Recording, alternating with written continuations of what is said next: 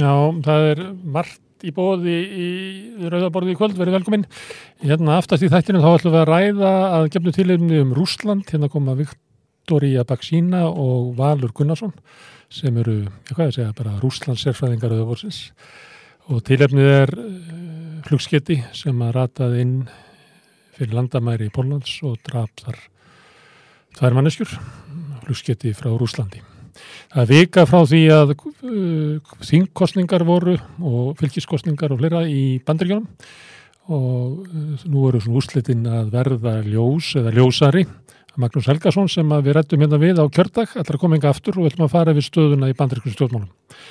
Í gær byrju við að ræða við fólkið sem var á Östurvelli að mótmæla í vor bankasölunni Inga kom Alli Þór Fandal og Þórarinn Eifjörð og rættu um skýslu Ríkisendurskoðunar og við ætlum að halda þessu áfram í kvöld. Hérna á eftir koma Þorvaldur Kilvarsson og Ástarlóa Þórsdóttir sem að bæði heldur ræðu þarna og við ætlum að, ég ætla að spurja þau hvort að, að skýslan staðfesti það sem þau heldu eða hvort að, að ja, skýslan hrakti allt sem þau sögðu, kemur í ljósinu hérna eftir. En eins og annarlega þá byrjum við á fréttum uh, dagsins en það sem er óvanarlegt núna er að það er Marja Péturstóttir sem ætlar að segja hvað þér. Þetta er velgóðin. Hvað er þetta? Eru það er ímislegt. Það er náttúrulega eins og þú nefndir hérna á Íslandsbankarskíslan sem er tekur yfir alla frétta tíma. Margflókjumál. Margflókjumál mm. og uh, ráðherrarnir hver að fætur öðrum tjá sig og eru bara hafa orðið fyrir miklum ombröðum með mm. þessa bankarskíslu. Vona allir geti lerta þessu. Vona allir geti lerta þessu og en þetta hróplar e- ekki neitt við ríkistjórnarsamstarfunu. Nei, og ég var svona hérna... með annað eirað við þingið í dag. Þar var verið að ræða þetta mál. Já. Bjarni kom og hérna svaraði nokkrum. Svo held ég að hann hafi bara farið sko. Já, hann, nefnir þessu ekki þetta og það er enginn svo sem pressa sko, á honum á honum eða frá, sín, frá sko hinnum stjórnuflokkonum þannig að virðist ekki vera þeir virðast bara Nei. það, það er oft vera... sem að svona mál sem eru uh, flokkin mm. að það tekur tíma, það tekur svona 2-3 daga að settlast um hvað er málið og nú er náttúrulega allir að glýma við tólkunina Já. og Bjarni er að segja að þannig er ekkert um lög, engin lögbrott, mm. þannig er ekki þetta, þannig er ekki þetta og þau, eh, Sigurður Ingi og Katri Jakastóttir takkandi það, já, já. þau eru að reyna að vísa þessu máli frá, líka sem að mér finnst vera svona annar hluti þessu máli annars vera það sem að skýsla fettur um svo er það bara bankasælan yfir höfuð. Já, einmitt, og það var einmitt hérna í gær, í, í röðborðinu í gær farið svolítið djúft í það einmitt. Mér var stórar en eifjörð mjög skýr með það. Já, var það sko að það væri hérna og við í samstöðinu vorum að reyna að rekna þetta já, já. þá tökum við svona burtu af því að það verið breytingar og gengi mm. og árum að bæði sama við Arjónbanka og úrvalsvísaturuna og það er eiginlega ekki hægt að meta það öðruvísi en að, að svona lámar skjöfin í fyrsta útbóðinu hafi verið 25 miljardar já. til þeirra sem áttu pening Akkurat. og gáttu nýtt sér það Þetta er náttúrulega bara, sko, ég, ég held að bara, ég get ekki ímynda mér annað en að, en að sko, sömur þingmenn í þessari ríkstjórna eigi eftir að einhvern veginn, eins og segir, eftir einhverja daga átt að segja alvarleika þessa máls. Já. Þetta er, sko... Þú eru hittir fólki út í búð og út í bónus já, og það er skammaðið. Já, og bara fyrsta lagi, náttúrulega vildi, almenningur vildi ekki selja þann að banka og samt einhvern veginn var því haldið til streitu já. og svo eru, sagt, er þetta niðurstaðan. Hmm. Hún var hérna, hún þingkona Vafge í Reykjavík sem er hérna, öðru sætunni hjá henni Katrínu. Nú er ég hérna ég er svolítið með slappa já, Steinuþóra hún var í tíu fréttunum í gerð sást hana? Já, ég sá hana. Það fannst það ekki átakalegt? Ég bara, mér fannst það bara hræðilegt. Alveg hræðilegt. Því það var svo augljóst að hún var eiginlega að tala gegn hérna, betri vitund, betri vitund gegn svona betri svona samvisku. Betri móral, já, betri móral þetta var bara eiginlega svona þess að sena úr bíómynd af mannesku sem að líður illa. Akkurat. Ég, það, ég getum ekki hvert fólk til þess að sjá þetta en það er forvitilegt Já, einmitt, mm. það, er bara, það er bara ótrúlega aðteglisvert ég, ég, ég kynnti hérna á þann að við ætlum að ræða Íslandsbókarskísluna síðan á eftir við Þorvald og Ástúrú Það verður mjög forvitilegt Herðu, svo já, eins og komst inn á þann líka rússar skutu eldflög sem að þeir ætluði að skjóta vantarlega inn í, inn í einhvern bæ eða eitthvað svæði í Ukrænu Uh, en fór þannig rétt fram, fram hjá Lviv í Ukrænu og lend, lendir inn fyrir mm. pólsk landamæri Það eru mikla loftarásir. Já, með þeim afleðingum að tveir láta lífið í. Pólandi. Þannig að Ég veit ekki hvort að þú séð svona sérfræðingur í svona hernaði en heldur þetta hafi áhrif að þetta sé árás á Nataland? Ég held þetta hafi áhrif Mm. án þess að vera sérfræðingur í Já. hernaði. Já. En, en ég einhvern veginn, eh, já, ég held þetta hljóta að hafa áhrif. Mm. Þannig að hérna, og mér er líka einhvern veginn, þetta er svolítið samt svona tíma, tímalínan í þessu svolítið aðteklisverði líka.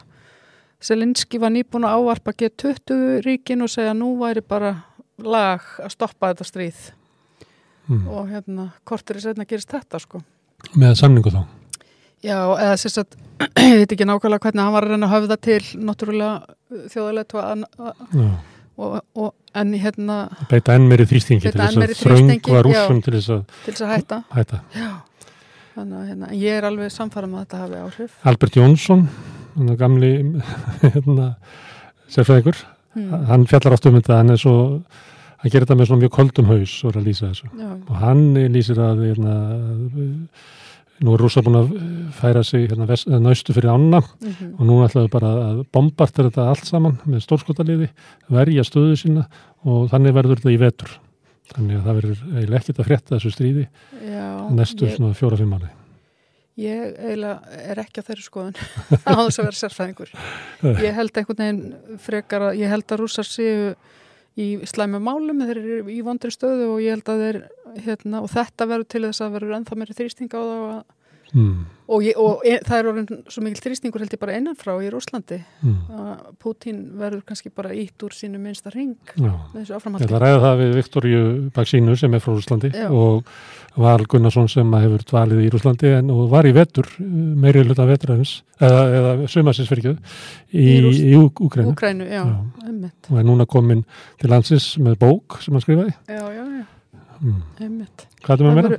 Herðu, republikanar unnu þegar maður heldur alltaf að demokrater séu, nú eru Já. demokrater að vinna eða, eða republik, republikanar uh, í fulltrúa deildinni uh, þannig að úrslitin er eitthvað, en maður veit ekki hvort maður er að treysta þessum úrslitum nei, þetta er ekki túlkun- alveg komið. nei, þetta er ekki alveg eh, komið Sko, það er búið að lýsa yfir kjöri hérna þannig að, að republikan er 216, já, við þurfum á 218 já, en eh, demokrater eru með 207 já, þeir þyrtu að ná eða ansið hérna, fleiri, 11. fleirum, já, það er svona meiri líkur líkurnar eru svo líkurnar litlar eru að þeir meiri. ná ekki tveimur útrúsi Já, en líklega verður þetta veikur meirluti sem að skiptir náttúrulega engum máli þegar allt skiptist bara hárfínt eftir flokkunum, það skiptir ekki máli það þetta ekki bættis, það fer enginn yfir línuna. Nei, nei, nei, þannig en uh, sigurinn er ekki einn stór og, republikana vonuðu og hann er ekki einn stór og hann er vananlega í sögulegu samingi þetta er með veikustu sigurum eh, hérna, flokks sem er að berjast við hérna, flokk fórsetans á já, Uh, margir er vonast þess að þetta veri tólkað sem svo lélega útkoma fyrir republikana að Trump þóri ekki að bjóða sér fram já, eða þá að einhver sterkur í flokknum hafi kjartir þess að bjóða sér fram á á mótunum. mótunum, já, Það held ég að bara komi í ljós í nótt eða næstu nótt þá ætlar hérna, Trump að halda fund og segja hvað hann ætlar að gera. já. Hefur einhverju grunnsendur um hvernig það fari? Nei, ég hérna, reyni ekki að hugsa inn í haus annara og ef ég ætti að reyna að velja Svo ekki niður trömm, alls, alls, alls ekki niður. Það, það- ef þú ferðar inn, kannski Já. ekki út aftur, sko. Nei, nei, En akkurat. ég ætla ekki að spá hvernig Trump hugsar. Nei, einmitt. En ég ætla, ég ætla að spyrja Magnús Helgason að því, Já. kemur þetta eftir, hvort að hann geti hugsað. Hugsaði eitthvað inn í haus meira? Herðu, það eru rúsnesku hjónin um, Anton og Viktoria, Anton og Viktoria uh, Garbar Já. sem að verða sendt til Ítalíu á morgun í núni í nótt. í nótt, Mm. Ég reyndi að fá þau hérna að tala við okkur, já, en þau, við talaði við hann. já, Hann sagði að þau verður bara svo þreytt að þau ættu að pakka, þau þurfa að pakka saman þessar sjö mánuðin sem voru hér að því að þau voru alveg fram á síðustu stundu með von. Já og voru þau, bara með mótmælaskilti með og, nótnála skilti og höfðu náðu sambandi við hérna, ráðherra og tala Já. við það, skrifuðu frábæra grein sem er í kjarnanum í dag, við segjum aðeins frá henni á samstöðinni, já, ótrúlega eh, sorgleg saga eitthvað neginn því að þau koma hérna eiginlega vissum að fá hæli hérna að vera að flýja já, Putin sem við erum í stríði við. En uh, þau fá útlutaðan hérna, lögfræðing sem er kona úr miðfloknum. Sem að, að þau ger ekki neitt og hitt hana fyrst eila á fundunum þar sem hefur úrskurðið þetta Mm. og hún segir að það er bara að þið fáið, fáið ekkert hérna, enga vend hér nei, nei. og einhvern veginn er það þannig að þið fengi aldrei séns þetta fólk. Nei, og, og það er svo undarlegt líka með þessi sko tengsl, hvernig þetta tólkað sko, að þau hafa ekki, ekki tengsl við landið. Þau hafa eiginlega rekið fyrirtæki í Íslandi. Já. Þau hafa komið með ferðamenn. Með fullt af ferðaþjóna. fólki, já. Og eru ágætlega tengt. Ég held að Viktoria, sko. hérna sem að við hittum hérna eftir, þekkja þess til þeirra. Já, Þannig ég skal spyrja þau um já, það. að Við getum eiginlega vísað öllum fréttunum svo með inn í þáttinn. Þetta er, mikið fréttan þáttur. Þetta er mikið er meira. mikil- Já, herðu, um, bankaskatturinn, hann sem sagt var 5,3 miljardar af 80 miljardum sem að í rauninni er hagnaðurinn já. Og þannig að það er góð frétt á kjarnanum um þetta einmitt Mm. í dag og, og hérna Það lítið eftir að þessum bankaskatti. það er búið að lækka náttúrulega Það var lækka til þess að hækka verðið á Íslandsbóka, já, held ég hafi verið. já, Er þetta svona, að þetta er svona ef við berjum þetta saman með auðlindagjöldin, þá er þetta meira. Eh, Hérna, almenningu fær minna af, af auðlindinni í hafinu heldur en Mhm. þá auðlind sem að bankarnir gerir upp á að geta hér í fákeppninni merk sóið okkur. En það er svolítið lítið að almenni, það fari bara 5% aukarlega, það er náttúrulega að borga tekjuskatt, við Já. getum regnað sér 20 miljardar, sem borga bara tekjuskatt eins og annað Mhm. uh, önnu fyrirtæki. Svo borga þeir uh, 5 miljardar í bankaskatt, já, en það er 80 miljardar sem sitja eftir í hagnaði. já, Og hvað gera bankarnir við það? Þeir borga hlutofum sínum eins og Arifabanki, þau byggja hérna, hús eins og hérna, landsbankin mhm. og svo ætla þeir að fara stórauka greiðslur til hlutafa sem Íslandsbanki ætlar að gera þegar mm. ríkið er komin í minniluta. já. Mm. Þetta er náttúrulega, og þetta er einhvern veginn svona ángi af náttúrulega þessu Íslandsbankamáli í rauninni þannig að þetta er náttúrulega gert til þess að eins og segir, til að auka hérna, möguleika á sölu bankans eða auka Virði, virðans. þannig að sko, mjög fyndið að lusta á bjarna þess að dagana sko. Já, Það er náttúrulega virði bankans. Hann selur eitthvað hlut sem Já. er bara svona, það er ekkert breyst í Íslandsbanka. nei, Svo hérna selur hann á alltaf lága verði, svo fer hann út á markað og hann hækkar um sko 90 miljardar. mhm, Hann telur að hann hafi búið til hennar pening. Já, Þetta er eins og ég myndi selja þér hérna íbúð konuna minnar mhm, á, á 20 miljónir, Mhm. svo myndi þú selja bara Þorvaldis ekki verið eftir hann á 30 já, og þá myndi ég segja að ég hef búið til sko 30 miljónar einmitt. það er reyndar ekki alveg þannig að þetta Nei, vera að konan ætti helmingin íbúðin ennþá. já, já. En þetta er, þetta er hundalógík. mhm. Þetta Svo- er eitt yfirbóta. Já, svo er annars svona mál sem er náttúrulega bara, sem er íbúðalánasjóðsmálið sem að samstöðun hefur verið að fylgja svolítið eftir líka. Erlendur Kristjánsson, uh, núverandi yfir lögfræðingur, uh, sem sagt uh, í heima, hjá heimavöllum, Heimstatin. heimstaten, Mm. fylgdi þarna með uh, íbúðasafninu eiginlega. Já. Hann held utan um sölu Já. meðan annars á þessu safni sem hafa selt til heimavalla Mm og hann var ráðinn með eiginlega. Akkurat. og um, samstöðin hefur verið að segja svona, kannski ekki að að vera svona smá skandalar svona við liðin á Ísla, að íbálan að sjóða málinu stóra eða Íslandsbanka uh, sölunni en þetta er Þetta svona er allt samofið. Já. Þetta er allt þetta samofið. er eins og að sé bara til dæla fámunur hópur sem er bara Já. í partíinu Það er bara þannig. Það og ekkert ganga bara á milli og það eru endar eins og svona ringkurðir alls það Já, þú hérna ert að vinna hjá ríkinu, selur ykkur möðrum, ferður ræður þið þar einmitt. þetta er nú svipað og þegar er verið að skoða til dæmis livjabransan í bandaríkjunum Mhm. þá er það þeir sem eiga að hafa eftirlitið að þeir eru ráðnir á fyrirtækjunum. Já, Það er einhvern veginn, Íslands samfélag er ekki, það er svolítið gegnsósa spillingur, það er það. kemur kannski engum óvart. Nei, hvað var ekki allir einmitt fannar að tala um þetta í gær í þettinum? Jú. Hvað við erum í rauninni ótrúlega Spillt. miklir eftirbátar margra nágranna Mm. þjóð okkar, Mm. hvað var að spillingu. Mm. Sumi vilja hafa þetta svona. Já, Kemur í ljós, við ætlum að tala um spillinguna réttu eftir, við ætlum að tala um Íslandsbókasöluna við Þorvald Gilvason og Ásturlógu Þórsdóttur. Ögnumlik. Já, það er Íslandsbókaskíslan, við vorum hérna í gær með tvo ræðumenn af Austurvelli frá því í síðastli vor eða síðla vetrar og Þóra Neyfjörð formann eh, Samikis og Allathor Fandal, frangatastjóra Transparency International á Íslandi og hér er komin tveir aðrir ræðumenn sem hafa voru eitthvað þennir sinni Austurvelli, Þorvaldur Gilvarsson professor og Ástalóða Þorstóttir Þingmaður. Hvað hérna, nú er þetta að meta það, er skýslan svona í takt við það sem haldið var fram, eh, það er svona glíma um, um tólkunin á þessu, ef maður byrjaði þér þóraldur, er þetta líkt á því sem þú reknaði með? Það sem við sögðum á Östurvelli í apríl stendur eins og stafur á bók.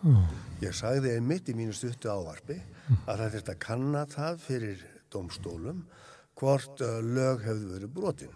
Nánar tiltekin lögin um umbóðsvik sem samkvæm tólkun hæstaréttar í mörgum dómum í hrunmálum uh, vísar á þá niðurstöðu. Sko, það likur bara í hlutanins eðli að uh, ríkisvaldi má ekki selja eigur almennings á undirverði. Og það voru sett sérstök lögum þetta eftir hrun 2012 þar sem þessi líst nákvæmlega. Og með þeim fyrirvara að vísu að það megi víkja frá einstökum markmiðum eins og því að tryggja almenningi hæsta verð. Sko með raukstundri tilvísun til þess að, að það sé nöðsynlega til þess að ná öðrum markmiðum. Þetta var ekki gert en það stóði ekki eins og til að byrta kaupendalistan, það átti að halda honum lendum, það bara mm. mistókst. Þannig að þessi lög frá 2012 uh, voru klárlega brotina minni ekki eins og Guðrún Jónsson, uh, lektor í Kaupmannu, hafði lísti skýrt í sjónvarpinu uh, fyrir í kvöld. En ég tel að það þurfi einnig að skoða fyrir domstólum hvort uh, ákvæði hegningarlaga um umbóðsvik uh, voru einnig brotin. Mm. Þannig að ræðan frá Östurvelli í apríl og til að flytja náttúr. Til að flytja náttúr. Ástoflóða, í skýslu ríkisaldurskónar kemur ekki fram hvort að það verið brotulög, ekki lagt mataða? Uh, nei. En af atbyrða lýsingunni, það sem verður að lýsa því að það er eiginlega fallist á það að taka hagsmunni erlendra sjóðsfélaga fram yfir það hagsmunni almennings að hafa þetta sem ætti að verð, það, því er lýst, en það er ekki hverju upp úr það. Nei. Um, ég held að það hef verið meðvitað ákvörðin hjá Ríkisendurskóðanda því að mér skilst að lögin séu mjög háð tólkunum og öðru slíku. En þú veist það er alveg ljóst að það voru þarna gríðarlega rannmarkar ég kannski er ekki, ég er ekki lögfræðingur kannski ekki þannig að ég geti sagt bara að það voru lögbrótin en einhverðu síður þá jú þá voru þau það með vissum marki eins og til dæmis bara hvað varðar kynninguna fyrir þingnemdum um, sem sagt samkvæmt lögum þá á hérna, á hérna sagt fyrir þingnemdum uh, hvernig söluferðli á að vera hvernig, hvaða aðfyrra á að nota og svo framvegis, en það var ekkert kynnt. Það var eiginlega bara meira svona við ætlum að selja við ætlum að taka tvö orði í það og svo bara, þú veist, þannig að þingnemdirnar og ég sitt nú í efnið eins og viðskipta nefnd og, og þar að auki þá verður þetta nú gert bara mjög snemma í vetur og við fáum þetta í fangið og helmingurinn og þingmönum er bara nýr. Mm. þannig að það er kannski líka ákveðið reynsluleysi og allt það. En hann orðaði þetta með skemmtilega ríkisandurskoðandi á fundi hérna e, með stjórnskipunar eftirlýsnefndi gær hann sagði þú veist þetta lítur allt voðalega fínt út þegar þú, þú veist þetta er bara svona eins og að þú horfir á eitthvað, eitthvað málverk og þá að vera á einhverjum ákveðnum stað og þú bara sér málverkið og þú veist ekkit annað, þetta er bara mjög fín mynd og svo sérðu myndin eitthvað tíma setna eða sérðu staðin og þá fattar að þetta var allt, þetta var ekki rétt, þarna mm. fjalli var ekki þarna og húsi var ekki svona og svo framvegis. Mm. Og, en þú hefur enga forsendur til þess að mótmæla, þetta lítur bara ágætlega út. Planið þú. Planið, mm. þú veist, þegar þú hefur ekki... Það er að selja fag, fagfjárfustum og engin almenna veit hver skilgjörning á því er, það er ekki verið ljós að það er bara bróðir eh, verbreyðarsamlands er allt í náttúrulega fagfjörnsir. Já, já, svo maður náttúrulega líka að segja það, sko, ég var náttúrulega bara fyrst og náttúrulega á móti þessari sölu og hef alltaf verið. Já, og þinn flokkur og, áður og fórst á þing. Já, já, minn flokkur líka áður en ég fór á þing og, og, og ég náttúrulega þar áður líka bara sem fór maður haksmuna samtaka mm. heimir og allt það vegna þess að ég tel þetta ekki ég tel þetta bara ekki réttlætarlegt. Við hefum ekki góða reynsla af yngavöldum. Nei, við, við höfum það ekki og við skulum bara alveg hafa það í huga bankarnir voru ekkert lengi búin að vera engavettir áður en allt fór hliðin á Íslandi. Það tók ekkert mjög mörg ár eftir áratuga kannski ekki áfallalösa áfallalösan rekstur en aldrei svona áfall eins og var það þannig að ég get ekki séð að við séum með eitthvað svakalega góðan, góða reynslu af engarekstri svo bara finnst mér að bara skjóta skökku við þegar að Uh, þegar að einu tækin sem eru notuð eins og gegn verðbólku eins og vorum að horfa upp á núna er að hækka vexti á heimilin, það er bara verið að veita bara fjármunum heimilana í bílförmum inn í bankana og svo skulum við bara selja þá. Þetta er, veist, þetta er bara næri ekki nokkru átt og svo náttúrulega eins og ég marg oft bent á því, hrunið hefur ekkert verið uppgert og, og hérna þannig eru peningarnir, þú veist, veldið sem að bankarnir eru orðnir, það byggir alveg rosalega mikið á heimilunum sem þau tók eftir hrun. Mm. þú veist, það er bara þannig þetta þarf að gera upp þannig að, þú veist, og, og til þess að það falli ekki bara alltaf á ríkið sem að reyndar ríkið er orðið ábyrgt á því, á því öllu en, en hérna það verður nú ágætt að þeir hefðu bankana til þess að fara í og ná í fíð sem að bankanir oftóku vegna þess að þýfi á að skila. Hérna, skýrslan fjallar bara um uh, þessa setni sölu. En, uh, og það voru uh, litla aðværsandi gerðir við fyrra útbúðið. Það var ekki mi- mikið hérna skrifað, það var uh, umlað hér og þar um bæinn og svona andmælt, en ekki jafn kröfturlega og þegar kemur í ljós hverju voru að kaupa í setni skiptið. Í fyrra skiptið var hins vegar sko stóri afslátturinn. Það er svona valla hægt að fara undir 25 miljörðum sem að þeim sem að kiftu þá, 35% hafi verið gefinn.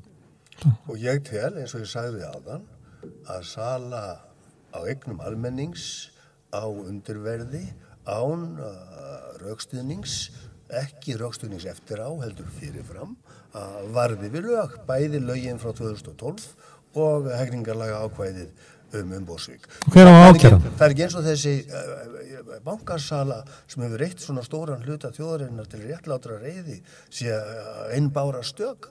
Þetta er bara partur af munstri. Mm.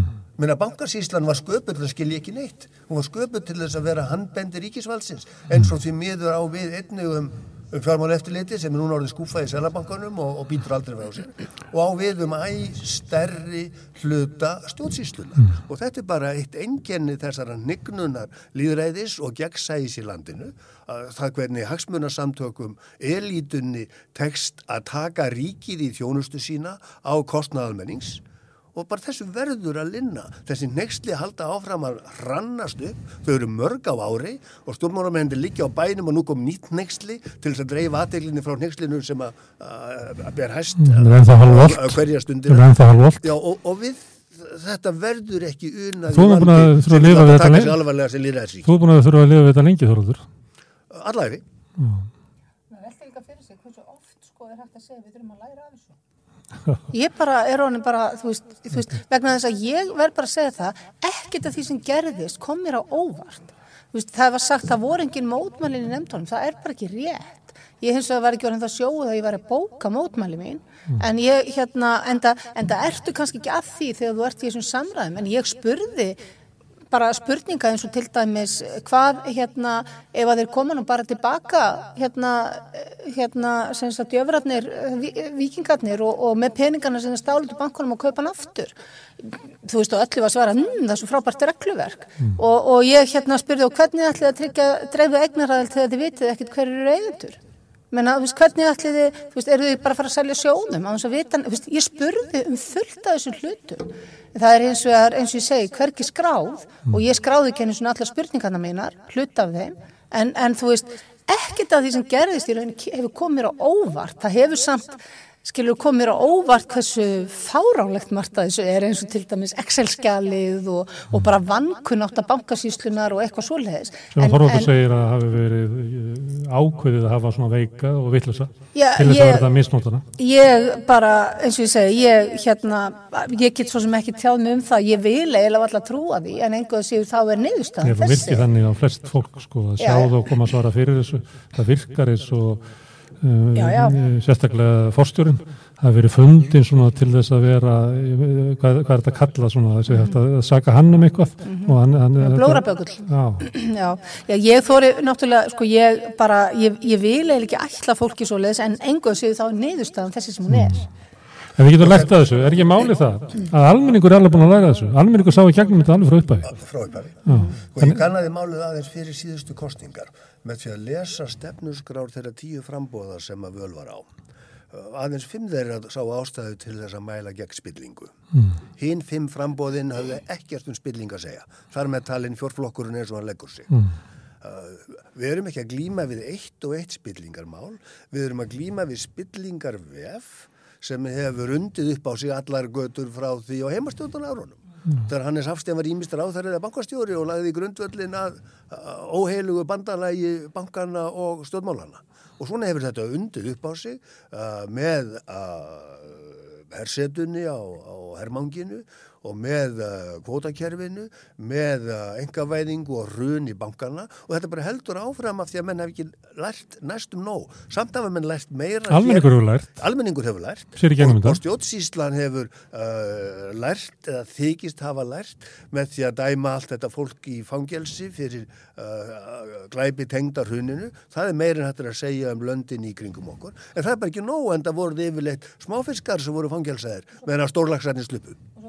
Þetta er ekkert. Það, þú veist, það, ég menna það voru einhverju menn fangelsaðir fyrir einhverja glæpi en það voru aðalega glæpir eitthvað með, sem gerist á markaði. Það var engin fangelsaður til dæmis fyrir það að bjóða upp á ólöguleg lán til margra ára. Já. Það var engin fangelsaður fyrir það og, og, hérna, og þaðan af síður að, að þessar fangelsanir hefðu nokkur áhrif til þess að, að það væri farið að skoða uh, hvernig, uh, hvað, hefðu, hvað allar þessar ákvarðanir hefðu gert neytendum. Það var ekkert skoðað.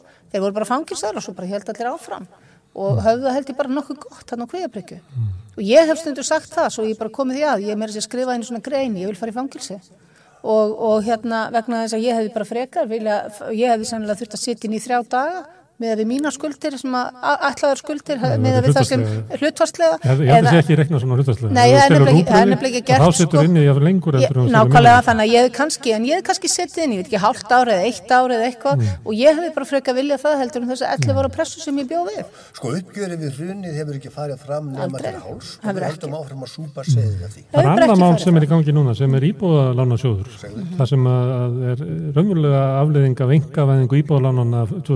og Að. Það mál farið sem er sem. Það sem að að raunverulega afleiðing af engavæðingu íbúðalánana 2004 sem að springa í andlita okkur upp á 200 til 400 miljardar. Mhm.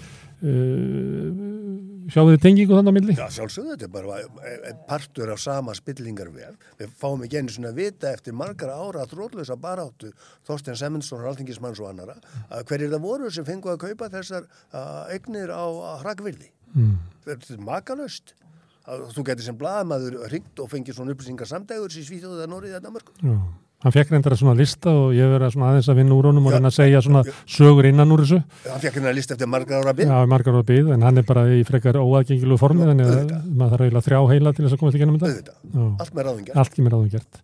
En það er mál sem að tengist náttúrulega hagsmunasamtökum heimilana mikið því að þarna fóru inn, það er ekki bara sko skandallin fyrir hrun, heldur er líka skandallur íbálunum svo eftir hrun, þar sem íbúðunar eru teknar á hrakvöðri og svo seldar út, um, maður gæti sagt baktir að megin, til hérna, já ég veit ekki, þú veist, kannski svona vildar að einhverju leiti, kannski bara einhverja sem að gáttu nýtt sér það. Augljóslega, annars þurftur ekki halda þessu lengi. Já, með svona þeirri hugmynd að það, þetta sé eiginlega betur komið í höndunum á einhverjum svona engaðilum út í bæ heldur en að nota þetta til þess að, að endur þessa heimili sem að fjallu eða líbálansjóð og að sömuleyti er Íslandsbanka salan líka þannig að það er bara litið á það og þú veist að telja að það þyrfti að vera röka mótið að selja undirverði e, Bankasíslan byrtir rökin Eftir á.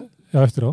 Og það er um það að til þess að, að verði hækki eftir sölu, til þess að örfa fjármaksmarkaðin og þeir þylja bara svona upp að þá er þetta eiginlega ge- aðgerð til þess að hérna, auk, styrkja fjármakseigundur. Ég fekk nú hérna, villum þannig til að ég var nú með ræðu um þetta í, á alþengi dag og, og Bjarni, hérna fjármálaráðura fór í andsörð við mig. Já. og það var nú svo merkilegt sko af því að ég var ekkert að ræða um það en hann fór í andsörðin svona á þeim nótum. Ég nenni nú alltaf að tala um þetta við mannesku sem að var með móti þið er og fór svo bara að tala við mig um hvernig ástandi væri nú. Ef þetta væri nú bara samfélagsbanki þá getur nú bara ríkið ekki selt neitt og engin hagnaði væri og bara, þú veist og það, það væri engin verða á þessum brefum og eitthvað. Og ég bara, þú veist, ég bara stóð þarna og, og, og ég man ekki alveg nákvæmlega hvernig ég svara, ég hef ekki geta horta á þetta aftur eða neitt svoleiðis. En eins og ég sagði við hann, ég menna það, það þú veist, þetta snýst ekkit um verðið á, verðmatið á bankanum. Þú veist, samfélagsbanki snýst ekki um það, samfélagsbanki snýst um að þá borgar fólk inn í bankan eða semst borgar og, og tekur sín lán og, og, samfélagsbankin er ekki með alla þessar arsemiskröfu en það sem það er umfram, það því skilur hann út í samfélagi Mm. og, og eins og til fólkinu, og, bankin þjónar fólkinu. Og, og þar með væri eins og til dæmis ef að bara arsemiskrafan í samfélagsbankanum sem var reynda myndin ekki alveg passa við samfélagsbanka en engaðu sér að arsemiskrafan þar væri svipuð og hún væri í heinubönkunum þá væri við búin að byggja nokkur hátæknisjúkrahús Mm. fyrir hagnaðin þó það væri bara á almenningi að því almenningu veit að það er búið að borga mikið peninga út Já. af bönkunum inn í ríkisjóð og hug, fólk hugsa, þú veist, af hverju ættum við að hætta þessu, af hverju ættum við að sel, selja þetta? Sem er svona eins og selja mjölkurkú en það er náttúrulega mjölkurkú sem er náttúrulega nýðast á fyrirtækjum og, og fólki. Er, skilur þannig að þú veist, á meðan hún gerir það hvort þið er, þá er þá betra að við fáum ágóðan af því eða mjólkina úr þessari þessari illa, eða þessari, þessu vel þessu gráðugu belju sem er að svelgjallar hinnar í sig eða hvernig maður orðar Það. fyllir upp í rjáfur í fjósinu. Já, hvernig svo sem maður býr til þetta. Það er allavega betra við séum að fá þetta heldur en að þetta fari bara eins og núna þegar eina aðferð uh, ríkisins til þess að berjast ekki verðbólki, ég var kannski búin að segja þetta hérna rétt á hann er að, er að, hérna, er að hækka vexti að þá er bara verið að flytja fjárminni heimilina í bílförmum til bankana og til hverra bara til þessara eh, þess örfára aðila sem eru núna bara hagnast og, og, og fitna eins og púkin á fjóspítanum og eins og, eins og 14 pú, púkar á fjóspítanum eða eitthvað sko og bara taka þetta allt saman til sín. Og þetta er engum til góðus og það má ekki einu sinna hækka bankaskatt. Ég er búin að mæla, ég mælti fyrir því fyrra. Það var engin flokkur sem að stutti hækkum bankaskatts. Það voru engi þingmenn nema þingmenn flokksfólksins sem að stuttu það. Og við erum að tala um að með hækkuninni hann er í uh, 0,167 eða eitthvað svo leiðis er bankaskatturinn í dag hann myndi, 5,- hann myndi fara í 0,345 eða hvað það var hann, un, hann væri undir 0,4% og það má ekki leggja það á aumingja bankana ég bara, þú veist, ég bara ég gapi yfir þessu Í gær að þá sagði Allir Þór Fandal að þetta var allt eftir plani á ríkistjórninni og Bjarnar Benediktsni. Það var að byggja þessa skýslu sem allir vissu að væri vitlusvarfur. Svo kemur gís, skýslan og hann færi neyri þing og væri eitthvað að peksa við þig og aðra þingmenn og allir væri byrjað að ræða um einhver einstök atri í þessari skýslu. Það væri bara að þreita fólk og svo geta bara aldrei árum. Já, takið eftir því að flestir á leinilistanum sem að fengu afslottin við síðari söruna að þeir seldu brifin strax á eftir. Hvers vegna? Þeir hún ekki trúa því að bankabrifin haldist í háu verði.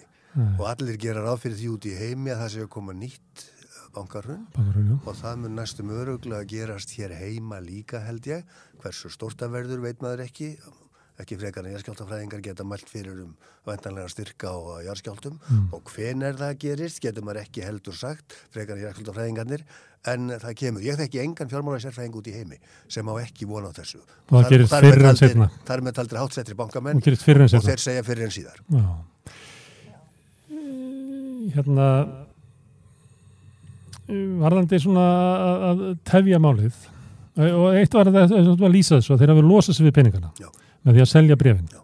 en þá vitum við það á reynslunni hverju keftu brefin, það eru íslenski lífrisugur þannig að, að, að tapið ef það er selta of ódýrt frá ríkinu og einhverju braskar að kaupa það, brefin hækka og þau eru selda aftur, þá eru seld lífrisugum þannig að tapið þar á milli að það kemur á lífrisuguna Já, e ef svo er að þá er það nú ekki fyrsta skipti sem þeir setja upp er með alltaf svarta byttur. Það er alltaf þannig. En ég hef mitt aldrei skilu og ég sagði það nú einhver tíman í einhverju umræðu um þetta í einhverjum ansvörum eða eitthvað.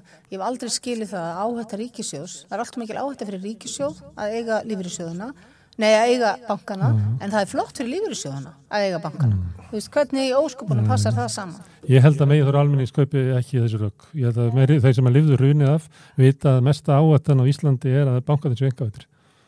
Það er bara svona reynsla, þú veist, það er bara uh, reynslu þekking. En þá kemur þú samt að því að það var mjög mismunandi hvernig fólk lifði hrunið af. Í vegna þess að sko það voru, það var fullt af fólki sem að fór bara nokkuð auðvitlega út úr þessu. En, en það, þú veist, og það fólk og sá hluti þjóðarna sem að, ég ætla að reynda að segja sem betur fer en nú starri hluti þjóðarinnar heldur en sá sem að virkilega fór illa út úr þessu að þau hafa, sá hluti bara vill eiginlega ekkit af þessu vita. ræða og það. er til dæmis búið að vera einn stóra baráttan hjá okkur í hagsmunarsamtökum heimi, hagsmunarsamtökum heimilinni gegnum árin að það vill eiginlega enginn að þessu vita. Og þegar þú talar um að hvernig broti voru fólki, hvernig heiminu voru tekið fólk bara, það trúur þessu ekki og það vill í rauninni ekki trúa þessu. Og það vill alls ekki trúa því að dómskerfi sé spilt á Íslandi, þú veist vegna þess að þá er bara svo margt hrunið. Og ég, ég, ég get ég get í rauninni alveg skilið þessa tilneyingu sko, alveg eins og fólk í dag vill ekki trúa því að það sé fátakt á Íslandi. Bara því að það verður ekki upplifað hann á eigin skinni. Þú veist, þetta er eh, veist, og meðan vitum við að hún er þarna. Tölun að segja okkur það og, og við náttúrulega, við sem erum að vinna eins og til dæmis í flokki fólksins til þess að hjálpa fólki í fátækt og erum að berjast fyrir það, við erum náttúrulega hitt þetta fólk og heyrt frá því eh, einhverjum þeirra. Og, og hérna, þú veist, þetta eru bara staðrendir en svo bara þegar maður reynir að taka þessu umræðu, hvort sem það ég eða Inga eða Guðmundur Ingi, ég tekið það nú reyndar alltaf meira út frá heimilónum eins og núna sko með vextina og allt það, þau fara í þetta á öðrum fórsendum, að þá bara stendur fjármálaráður og segir, eigin fjárstæði heimilin hefur aldrei verið betri að meðaltali. Þú veist, maður bara svona, e, þú veist, reyli. Það þarf að segja þess að sögur við verið að gera það aðeins inn á, á samstöðinni. Ég veit fólk til þess að fara eina samstöðina og grafa upp sögu Guðbjörgar aðalheiðar Haraldsdóttur sem er kona sem að lendi því að hafa nýskiptum vinnu fyrir 2008 og fyrirtæki fór hausinn og misti vinnuna, beintunni runnu og síðan tóku við bara laungar við ár og við reykjum það hvernig hún misti íbúðina sína. Svo reykjum við íbúðina eftir að, að, að hún var seld manni á, á rækverði út úr, hérna, eða fyrir, fyrirtæki, út úr íbúðinarsöði og hvað það hefur skilað því fyrirtæki miklum hagnaði. Ég, ég þekki mörg dæmi um þetta úr mínum vinahópi. Já og er, þetta eru sugur sem við verðum eiginlega að segja því að það er alveg rétt sem að þú ert að segja. Það er svo fólk vil ekki heyri þetta en við verðum að kunna að segja þessar sugur því að þetta er eiginlega bara mestu samfélagsbreytingar sem að ég hef lifað. Ég held að fólk vilja heyra þetta sko, nýjar tölur frá Gallup sína að meiri hluti aðspurðra vandreistir ekki bara domstólunum heldur einni ríkissaksóknara sem er nýtt. Og nú er ég vonað því að trösti til lögreglunar snar mingi eftir síðustu nexli uh, mm. þar á bæ og lögreglan er svo stofnun samfélagsins sem hefur notið á samt Háskóli Íslands mest trösts í þessum konunum Gallups og annara. Þannig að þessar vísutilur eru allar á leiðinni niður. Það er brotna tröst í samfélaginu. Og, það er vittna um uh, rofið tröst í samfélaginu. Mm. Herru, hvað gerist núna? Nú er þessi skýrla komin, nú er umræðinir og þingi, það verður að þreyti ykkur, fjölmjörnarnir svona keira svolítið á þessu og hvað gerir svo? Stjórnskipunum eftirlýsnefnd er náttúrulega á eftir að fara í gegnum þessa skýrslu. Mm. Veist, það er við til dæmis erum að fá bankasýsluna til okkar í fyrramáli. Mm. Þannig að það, það sko, nefndin allar að taka þetta. Stjórnum að leggja fram uh, til um ranns, uh, frumvarkum rannsóna nefnd eða hvað? Já, ég gerir nú fastlega ráð fyrir því, allavega er allir á því í, með að við stöðum í dag, þá verður það fælt en, en hérna eins og ég segi, ég held að stjórnskipunum eftirlýsnefnd tekur alvarlega þetta hlutverksitt að fara í gegnum þetta, þannig að við og við verum bara að treysta því þó að þarna sé mm. bæði minnluti og meirluti mm. að, hérna, að þá erum við að fara í gegnum þetta og við ætlum að fá, semst við fáum til okkar bankasýsluna morgun og við höfum eftir að fá til okkar frá fjármála ráðunettinu, við höfum eftir að fá til okkar frá uh, hérna, fjármála ráðura sjálfan og jafnvel einhverja fleiri og, og, og reyna að fara eins grundið í þetta og við mögulega getum. Svo kemur skýrsla frá fjármála eftirlitinu? Þú verður ekki að trúa því. Stjórnskipunar eftirlitsnefnda á eftir að hafa nóg að gera. Þorvaldur er ekki mikilvægt að trúa á þeirri skýrslu. Fjármála eftirlitið er skúfaði selabankar með mig til þess að tryggja að það sé algjörlega tannlaust og byrlust. Hvað gerir Þorvaldur? Ég kann ekki, þingmaðurinn er betri aðstöð að meta það. Ég kann ekki að meta það. Ég hef sjálfsögur ekkert rosalega mikla, mikla trú á eitthvað gerist. Það verðum að trúa ekki. Jú, við verðum að gera það. Það er ekki að lifa við þetta. Nei, nei, það er það sem að ég, þú veist, þá er ég að tala um núna. Ég er nú búin að segja þetta í mörg ár vegna þess að alltaf þegar ég hef sett eitthvað jákvætt inn, eitthvað jákvætt við gerst eins og Facebook-kóp, hagsmunarsamtakana, þá kemur alltaf einhver, já, en þetta er alltaf, allt, þú veist, og ég hef alltaf verið, einmitt við verðum að hafa vonina, en það, það samt þýðir ekki endilega breytingan að verða okkur að núna, þetta er svona þetta dropin hólar og það er bara motto, hefur verið motto mitt í mörg ár og ég þykist þér að sjá það, dropin hóli og hérna ég get bara nefnt það sem dæmi að hérna ég get nefnt dæmi bara frá varandi flokk fólksins að það var aldrei talað um fátaktin og alltingi fyrir en enga sæland komðangað, aldrei nokkuð tíman mm.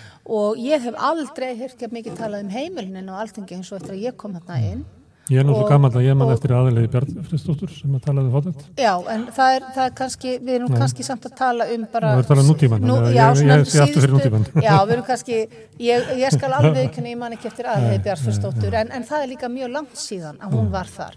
Þannig að hérna, og ég, og til dæmis eins og ég sá með, hérna, þegar að fyrsta, fyrstu hérna aðgerðir eða hvaða var sem Ríkistöldun kom með Þannig að þegar COVID byrjaði þá var ekki nefnst orði á heimilin og við sendum frá okkur uh -huh. veist, og þá kom næst alltaf já, og heimilin uh -huh. og heimilin. Það kom alltaf eftir það, uh -huh. reyndar alltaf sem eftirhugsun en það kom og það er mjög mikið talað um heimilin núna og ég held að það sé, veist, þetta er bara partur að veist, við erum bara í umhverfi sem að við erum því miður ekki að fara að fella 1, 2 og 17 eh, það tekur tíma og tekur þólumæði Um, þetta snýst ekki um einn mann mm. heldur. Heldur, þú nefndi, fórstu yfir hérna kostningastefnuflokkana og varst að segja það fjórflokkurinn og ykkur yfirbútt hefði ekki haft neitt á, á spillingu. Staðan á, á framsónum er alltaf, alltaf verið or- orðað við spillingu, en staðan á Vafki í dag, sem er orðin svona, ekki það flokkur sem að kann við að, að þólir það lengi að vera flokkað með spillingalókan. Nei, það er förðulegt að hafa orðið uh, vitnið að því því að uh, vinstri græn eins og alltíð bandarægið uh, á uh, undanflokknum og svo sérsta flokkurinn þar áður hafið þá sérstöðu innan fjórflokksins að það tóldi ekkert spillingar orð Það fengi ekki að vera með, bara Það fengi ekki að vera Já, með já. og ásaganir um rússagull og svo leiðist, það er fjallu flatar Mm. og það var þjóðviljin þeirra málgagn sem einn flokksbladana talaði um uh, spillinguna og fákeppnina og, það. 15 var Já, já. hugtæki byrtið fyrst í og ég þjóðlunum. bara sé að það fyrir mér að, að rittstjórar gamla þjóðviljans hljóta að snúa sér við í gröfinni Já. þegar þeir sjá það að vinstirseifingin grænt frambóði búið að kaupa sér aðild að fjórflokknum með spillingunni og öllu saman og uh, sérstaða vinstri græna er horfin út í viður og veður og vind og kannski fyrir flokkurinn þangað líka og á ekkert betra skilin frá mínum bæðinu sér. Nei, þú myndi ekki saknast. Herðu, Ástalófa og Þorvaldur, ég þakka ekki hérlega fyrir að koma engað að ræða um Íslandsbanka skýsluna og Íslandsbanka málið. Við ætlum að halda því áfram á morgun, þá kemur Ólína Gerolf Þorvaradóttir og Jóhann Páll Jóhansson og ræða um Íslandsbankan. Við erum að fara yfir ræðumanna listan niður á Östuvelli þessa vikuna. Þetta er framhalsagan. Þetta er framhalsagan. Herðu, þá snúum við okkur uh, í vestur til bandaríkina og Magnús Helgason, sérfræðingur okkar í bandaríkur stjórnmálum, sest hérna eftir augnablik. Já, e, það var kosið í bandaríkjana fyrir viku og þá kom Magnús Helgason hingað, lesaður. Sæl. Þá komin að aftur. Nú eru þið búin að vera, síðan eru þið búin að vera að telja og telja og telja og telja. Já, Og nú eru svona úslitin í þinginu svona orðið nokkuð ljósið ekki. Það skýrast. Jú, þetta er hérna, skemmtilegt sko að hérna, því að bandarísk stjórnmál eru það það er gaman að fylgjast með þeim vegna þess að þau eru spennandi og koma semst, hvað eftir annað geta þau komin óvart og svo er líka sko sem er skemmtilegt við þau er þetta, það er ekki bara það er ekki kosa fjögur ára fresti, heldur er kosa tveggjára fresti. Og nú er búið að bæta því við sko, það er ekki bara sko kostningakvöld, heldur eru kostningavikur Já, þess að þetta tekur viku að fá niðurstöðun og maður getur verið í svona eilífu spennu ástandi já, ef maður hefur áhuga á því. þetta hefur verið raunverulega spennandi. Já, þetta verður mjög Það er, spennandi. eh, ef ég spurti fyrir svona þremur dögum, þú hefur átt erfilegum með að spá hvert það var að fara, eða hvað? Jú, sko, þannig að það eru þetta, það eru hérna, sko, stóru niðurstöðunar lágu fyrir raunverulega strax hérna, þarna um kvöldið. Já, og það var það sem, sko, það, það sem raunverulega skipti öllu máli og var svona sko, stóra spurningin henni var svarað þá og stóra Sem að niðurstaðan hvað? kom já, þetta að það kom engin rauð bylgja. Já, og það voru raunverulega sko, það voru tveir, t- tvö atriði sem uh, komu á óvart og stóð, sko, stóð upp úr þessum kostningum, finnst mér. Annars er þetta að það var engin rauð bylgja og það skiptir máli vegna þess að Það það ítir ekki undir uh, Donald Ég, Trump. það eru sko mjög margar ástæður það er, er sko, Já. skiptum málu og það er sko sögulega það mjög áhugavert og það er mjög áhugavert fyrir sko okkur sem er maður, ef maður hefur fylgjast með bandarsku stjórnmálum lengi að þá sko var allt sem bendi til þess og það var semst, engin lókik önnur en að republikanar hefðu átt að vinna nokkuð góðan sigur og það er unnuða ekki bendir, segir manni að það er eitthvað að gerast undir.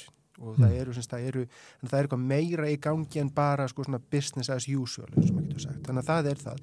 Hitt stóra sem stóð upp úr var sko það að það voru engin vandra á kjördag. Að því að þegar ég kom inn til henni fyrir nokkrum vikum Mm. og þá sagði ég sko eitt af því sem væri sko hérna sem maður hefðum sko væri svona sko hvað getur maður sagt svona mest sko áhyggju vekjandi var það að ef kostningarnir erðu, sko niðurstan erðu einhvern veginn tæp eða ef það myndu, republikanu myndi ekki vinna en stort eins og voru búin að telja, að þeir voru búin að telja sjálfas upp í það, sko, þeir var að fara, þetta erði eitthvað svona meiri háttar burst hjá þeim Mm. og þannig að þá, sko, og með við frétti sem voru búin að vera, sko, í vikunum fram að kostningum, að þá, þessist, um möguleika á, sko, vandræðum á kjördag og ógnum frá, hérna, öfga hópum til hægri, að ekkert af þessu sem stjærðist. Og ekki heldur að þau þeirra að vera að telja sem að það er ekki bara síðast, þetta er líka ef þú fer bara til Engin 2000, og- til 2000 í Flórida, Já, þá já. voru bara setið um talninga. eftir, hvað eftir staði. að kom, kom upp svona mál sko, Já. það, það var ekkert slíkt núna að, það er engar fréttur um það að kostningar hefur gengið illa neinsta, það er bara, semst, allt gekk bara eins og smörðvél, engin vandræði og svo hérna voru sigrættdemokratan nógu sannfærandi og eða að sagt, þeir republikunar sem hérna töpuðu sáu sér ekki sko hagi í því að fara að búa til fjölmjölasirkus og láta eins og þeir hefðu unnið þótt þeir hefðu tapað mm. sem var það sem maður hefði sko, áhuginar voru sko annars verð það, þeir eru rauð bylgja og að republikunar myndu ver, koma út úr þessu með einhvers konar sem sagt, sko, pálmann í höndunum mm. bæði þá værið þeir komni með öldungadeildinu og þingið og gætu þá semst, sko, hérna, saboterað næstu tvö ára fórstatíð eh, bætan og gert allt sem í þeirra valdi stæði til þess að búa til upplösnagnar þess að, að ef þeir hefðu sigur að þá væri það sko, þá hefði það mjög validation og svona, sko, hérna, eh, einhvers svona sönnun fyrir því að sko politík Trump sem er þetta að búa bara til upplösn og æsing mm. og hérna átök stöðugt. Allstaðar að það væri leiðindi sigurs. Þannig þeir eru dreigið líka þann lærdom af því og það, þannig að þessi, stór sigur þeirra hefði annars verið það að sko pólitíkin hefði orðið enn stjórnlausari og þess að erfið er að koma nokkur, nokkur hlutum í gegn og að þeir hefðu sko gefið í í, í áttuna að Trumpismannum og svo ef það hefði semst ef þeir hefði ekki unnið nógu stórt þá var, og sko það hefði maður áhugjöru því að það myndi þá leiða til þess að það myndi hérna grafa ennþá frekar undir trösti á kostningum, það erðu hérna fjöldamótmæli fyrir utan hérna, talningastadi og þarfram eftir göttunum. Hvort gerðist og þetta voru stóru semst, sko, mm. neðustum, þetta lág eiginlega fyrir mjög snemma, þetta með sko bylgjuna alveg strax um sko nóttina og eða um morgunin og svo hitt sko það var hérna bara í daginn eftir þá var eiginlega orðið ljóst og þetta var ekki fara að sigla í slíkan sko sirkus. Þannig að þetta voru mm. tvær stóru niðurstöðum, það lágur strax fyrir. Svo er sko það sem er eftir síðan er það hvort að það var ekki orðið ljóst fyrir um helgin að demokrata myndi að halda meirulutanum í öldungadeildinni mm. og það var náttúrulega mjög mikilvægt. Og með þess áður en að korsið í Georgiu, þar sem að þeirra ennþá senst á að röfulega bæta við sig. Og það skiptir mjög miklu máli, sko, mm. hvort þeir eru með 50 pluss hérna, sem sagt, varafórstan eða hvort þeir eru með 51 atkvæði, vegna mm. þess að þeir eru með 50-50 og svo varafórstan til þess að vera, greið atkvæði til þess að hérna, hérna, breaking vote, að ef þeir eru með 51 öllugöldaþingmann, að þá þurfa er ekki sko að nánum samkommulagi við republikana um það hvernig sko nefndarsettum og slík málur hlut á dasgrá að því að þeir eru með 50-50 þá er þeir ekki með meir hluta í mm. öllugöldadeildinni, þeir eru með meir hluta við atkvæðakræðslu mm. en ekki í deildinni þannig að mm. það sko í nefndum og öllu slíku að það er miklu erfið að stjórna því pluss það að þeir voru náttúrulega með tvo öllugöldaþingmenn, Kristjan Sinema og hérna Joe Manchin sem voru sko nýttu það eins og þau sko til fullnustu að hafa þessi sko svona tangarhald á flokknum. Þannig að það þurfti alltaf að semja við mm. þau bæði. Já. en ef flokkunum er 51 atkvæð þá eru þau ekki lengur í þessari 8 stöðu. Þannig að það þýðir það að það er miklu öldungadeildin er miklu meðferðilegri. Það getur eitt fallið svona Já þannig að það, er miklu öðvöldra fyrir bætum og þetta skiptir málu því að þóttabætin sé með minnurhluta í, eða demokratum minnurhluta í fullróðdeildinni eða með minnurhluta í öldungadeildinni þá geta það skipa dómara og það er mjög mikilvægt Þannig að, að sko það að vera með örugt, hérna, örugan meirhluta þar þurfa ekki að vera semst að sko stuðut og semja við þau þarna tvö, að gerir allt auðveldra. Mm. Varðið þú dómarana að þá er náttúrulega meirhluti íhalsmanna svo sterkur í hættarétti, ólíklegt að það breytist á þessu kjöldumumli, þetta er fólk á bara besta aldri. Já, það er nú hérna, John, John Roberts hérna, með, það er engi leið að segja sko. það er bara það er ólíklegt að verði kannski tveir það er, það er ekki, sko, við skulum segja það sé ekki mjög líklegt, það eru sko dómskerfi við meira en hæstir eftir og það er semst, hérna, niður allt allan sko skalan og það skiptir mjög miklu máli að sagt, sko, neðri dómstig séu líka skipuð ekki af hérna og republikanar hafa uh, miskunalust verið að koma sér fólki út um allt og mjög svo kerfisbundu og mjög rótækum mm. hægramönnum allstæðir en þessi geta en þannig að það, það er sko það er ekki, það er ekki, þessi partur er ekki ennþá ljós og þannig að það verður ekki ljóst fyrir 7. desember þegar að, það er kostið einsmanns meiri ruta eða, eða það 50 pluss eða það 51 mm. sem sagt, eh, Er ennþá ólust hvernig það fer. En það er náttúrulega allar líku til þess að republikanar náði í senustu talningu þá er það með 217 þingmann þurfa bara að bæta þessi núna einum. Þeir eru mm. öryggi með 217 þurfa bara að bæta þessi einum til þess að vera konum með meirlutan mm. og demokraterna eru konum með 204 held ég og þeir sagt, það, eru, það eru 14 sagt, á eftir 14 já og af þeim eru fjó, fjögur enda mjög liklega hjá republikunum og, og tíu sennilega hjá demokrátum en Mm. það dugar þeim ekki. En þetta þá þýr það að meir hluti republikana í þinginu er er mun veikari kannski en annars. 220 og 215 eða svo, Þannig, já, og þetta þýðir sko það að, sest, í, í- þessu, sest, það eru nokkur hluti sem kom út af þessu, einn er sá að það verður er, sest, sko, gíslatökur róttækasta hluta republikanflokksins gíslatökur á málum eins og hérna skuldaþækinu sem er svona tæknilegt sko, hérna, tæknileg vittleysi sem gerir það verkum að bandaríkinu eru með þak á því hversu mikla skuldir ríki getur tekið á sig og svo þarf að hækka það alltaf eftir því sem, sko, sem skuldirnir aukast. Það, það, það, það, það, það stoppar ekki skuldaaukningun og hún er byggð inn í fjárlög sem löngu er búið að samþykja mm. þannig að þetta er, semst, þetta er bara viðurkenna þegar teknar ákvarðanir um lántöku er þetta skuldatak. En svo hefur það verið tekið í gíslingu hvað eftir annað. Og það fjárlög hafi verið tekið inn í gíslingu til þess að neyða fram niðurskurð á hérna almann tryggingum og aðþarfindugóttum og þetta er ólíklegra að republikanar geti kert svona gíslatökur alveg út á bjargbrúnina og framafinni með minni meirlut en alltaf það verður auðveldra að leysa úr þeim skulum við segja, það verður auðveldra að finna þá einhverja republikan til þess að, að toga þá yfir. Og þannig að gíslatökurnar er eitthvað ólíklegri en á móti kemur síðan sko þetta, það er, sko, meirluti er meirluti og með meirlutunum þá hafaði meirluta í sem sagt og geta sko hafa hérna rannsóknar valdið í þingnefndunum og geta stemt ríkistjórninni og, og bæten og það eru Steir er náttúrulega búin að marglofa því að það verði ráðast í alls þeirra rannsóknir á Hunter Biden og öllu milli heimins og jarðar. Það er náttúrulega, semst, þetta, það er að fara að gerast hvort sem meirilutin er lítill eða stór, en hérna, sko, við skulum segja að það er, það er svolítið, það er svolítið ólust sko, hvort að flokkunum verður, semst, hvernig republikanar muni þá hegða sér í þinginu, þeir eru með, með minni meiriluti, þá hafa þeir ekki, sko, semst, já, þá þurfur að halda flokknum betur saman, mm. það er góða líkur þá því að sko róttakasti armurinn völd hans gætu fyrir vikið aukist því að flokksfórustan verður að hafa þá með mm. en það er bara eitthvað erfitt að segja sko fyrir um það mm. sko en, Það er að koma í ljós hvernig þessi úrslit settlast inn í republikanflokkin sko. en það er, það sem, sko, það sem er en, en þetta er, er bara einn partur af þessu því að sko síðan eru aðra niðurstöru sem kostningu sem eru mjög áhugaverðar og ein er svo að demokrater heldu hérna öllum fylgisningum alls þar, þeir töpuðu hverki meir hluta í fylgisningi mm, það sem er höfðu áður já, og þeir bættu við sig. Og í hérna og það er mjög áhugavert sérstaklega sko það er í, í eins og Kansas þar eru þeir að bæta við sig. Og svo er það í hérna Michigan. Og það er náttúrulega í þessu hérna Rustbelt mm. í norð uh, hérna þessum hérna, af yðinvættu fylgjum í kringum hérna, The Great Lakes, það sem hérna yðnar hefur, nignað sem er svona sem sagt, sko ætti að vera hérna sko svona örug landdemokrata en mm. Það eru kjósutundi sem að Trump náði yfir, já, svipað og en, Boris Johnson gerði í norður. En núna í að þá er sem sagt í fyrsta skipti í 40 ár, eru demokrata með meirhluta í Evri og neðri deilt fylgjistingsins og með hérna fylgjistúrastólum. Mm og þetta er ekki gert sér sko 1980 og eitthvað og þetta eru sko mjög áhugaverðar breytingar mm. og ég held sko núna að semst, sko, framtíða leiðtóðan í flokkonum semst, bætin verður líklega framböðandi flokksins demokrata mm. finnst þennan ekki svolítið gamal?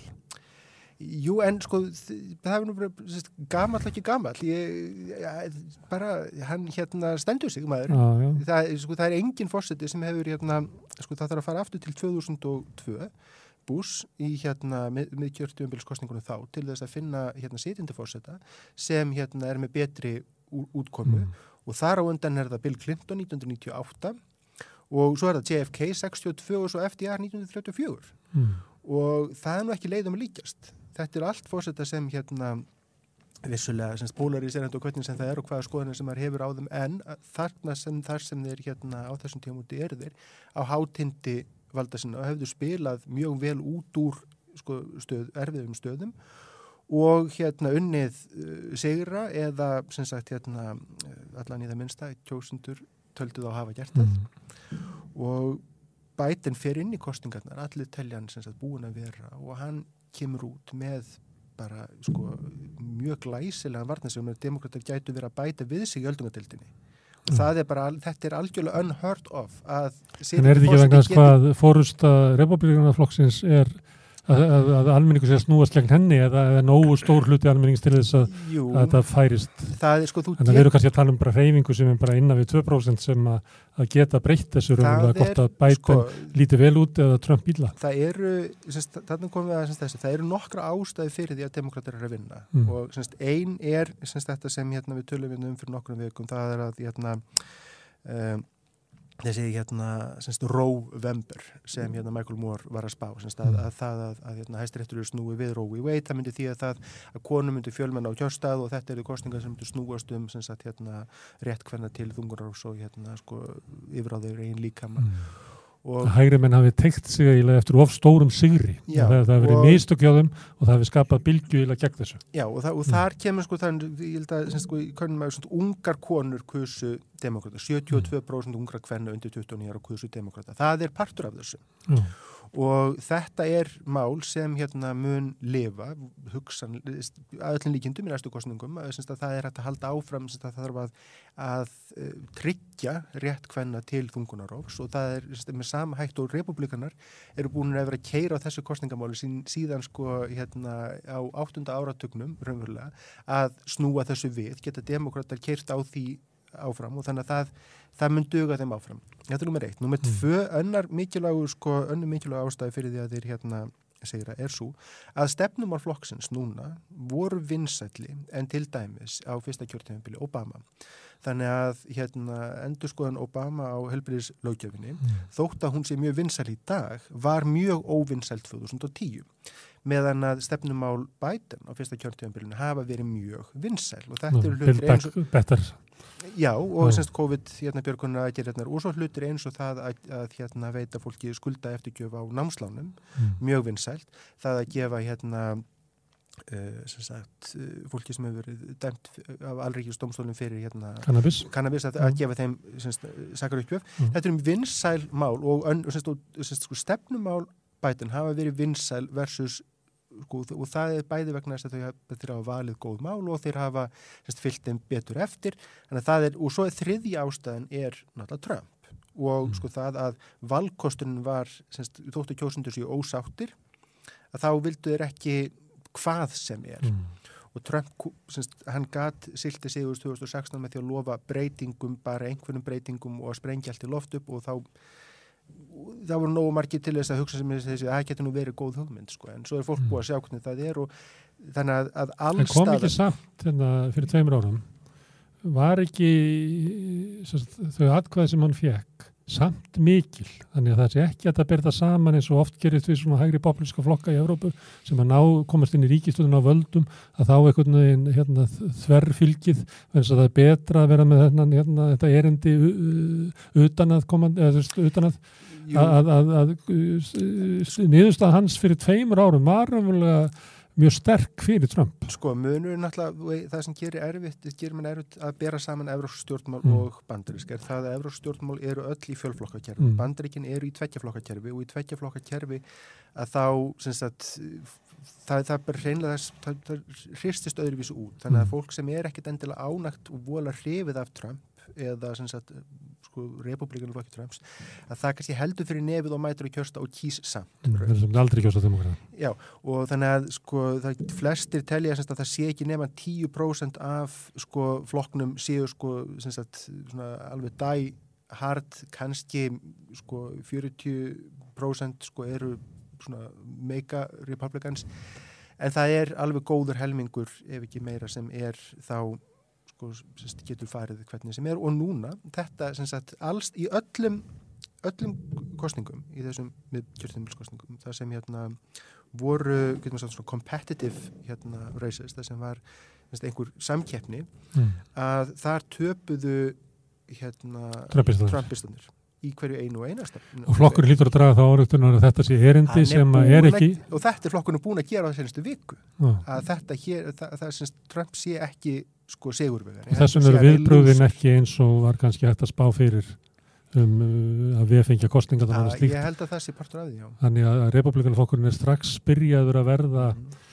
hvað hefur að segja, svona hófstillari.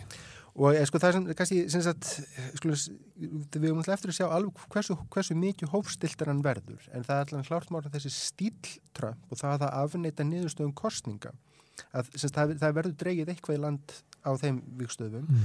Santis sem, sko, Rondi Santis sem er hérna Flóriða, mm. er verður, er núna næsti leðtói flokksins það er allir nokkuð dögun og það hefur gerst bara á þessari senustu viku að flokkun allur sem einn hefur nána sko fyllt sér í kringum semst, hann og, mm. og í því sambandi er sko sagt, sennilega afdreyfaríkast er það að Fox News hafa snúist gegn Trump og semst, mm. ég held að hvort það var ekki The Guardian bara í dag sem var að sagt, flutti fréttur af því að, hérna, að Murdoch hafi sko, tilkynnt Trump það að hann myndi ekki styðjan ef hann byði sig fram aftur.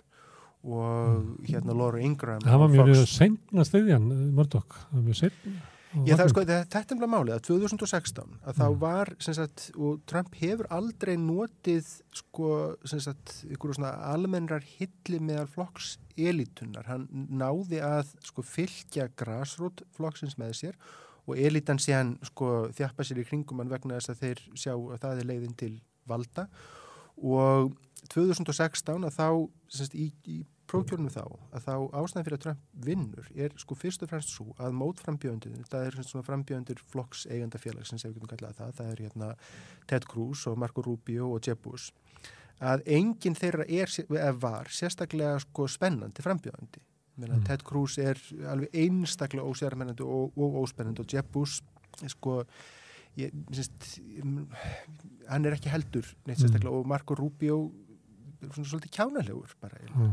og, og þetta Þetta er sendis, er hann hérna fórsöldalegur eða er það vegna þess að fólk bara sko vill ekki Trump? og þess vegna verður hann eiginlega alltaf betur og betri. Sko, ég, ég, held að, ég held að þessi sko þannig sko, Santis er aðeins harðar en nagli en Jeb Bush, Ted Cruz og Marco Rubio. Mm.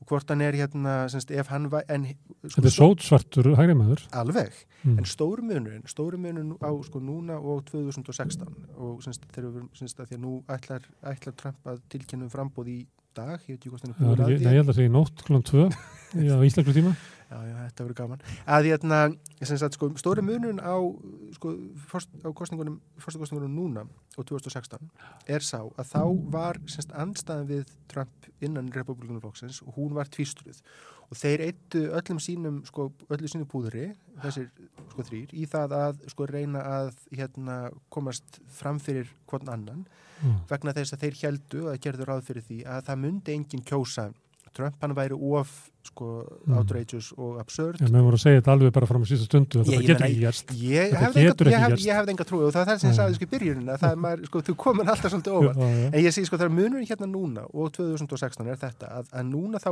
er semst, all, flokks, flokksegandi félagið og, og hérna svona semst, elitan og hérna sko hægri median hefur mm. fyllt sér um samtis mm. og það var ekkit slíkt sko, menn fylgtu sér ekkit um neitt anstæðing Þósuður hafi ekki stutt Trump og það nauta þess að, að, að flokksegandafélagi var tvístraf Já og semst það bara svona elita flokksins okay. og, og, og, og median. Okay. Þetta er það sem sko, flokksegandafélagið vill og kannski megin þorri svona flokksins. En þú sagðir að það væri kannski 10% sem að eru bara hardcore Trumpistar hann inni og kannski 40% ringurinn alveg, alveg út í óvandarlega er þannig er náttúrulega fólk sem hefur haft meina, mest áhrif á bandarík stjórnmál á þessari öll, þannig ertu með tepósreifinguna, þannig ertu með fólk sem hefur er vel skipulagt politíst, er með hérna, lítur svo á að hver orust er bara orust upp á líf og dauða mm -hmm. þetta fólk mun ekki bara sætta sig allt ína við að nú er bara komin annar svipur á flokkin og nú fyrir við að gera eitthvað allt annað, en það?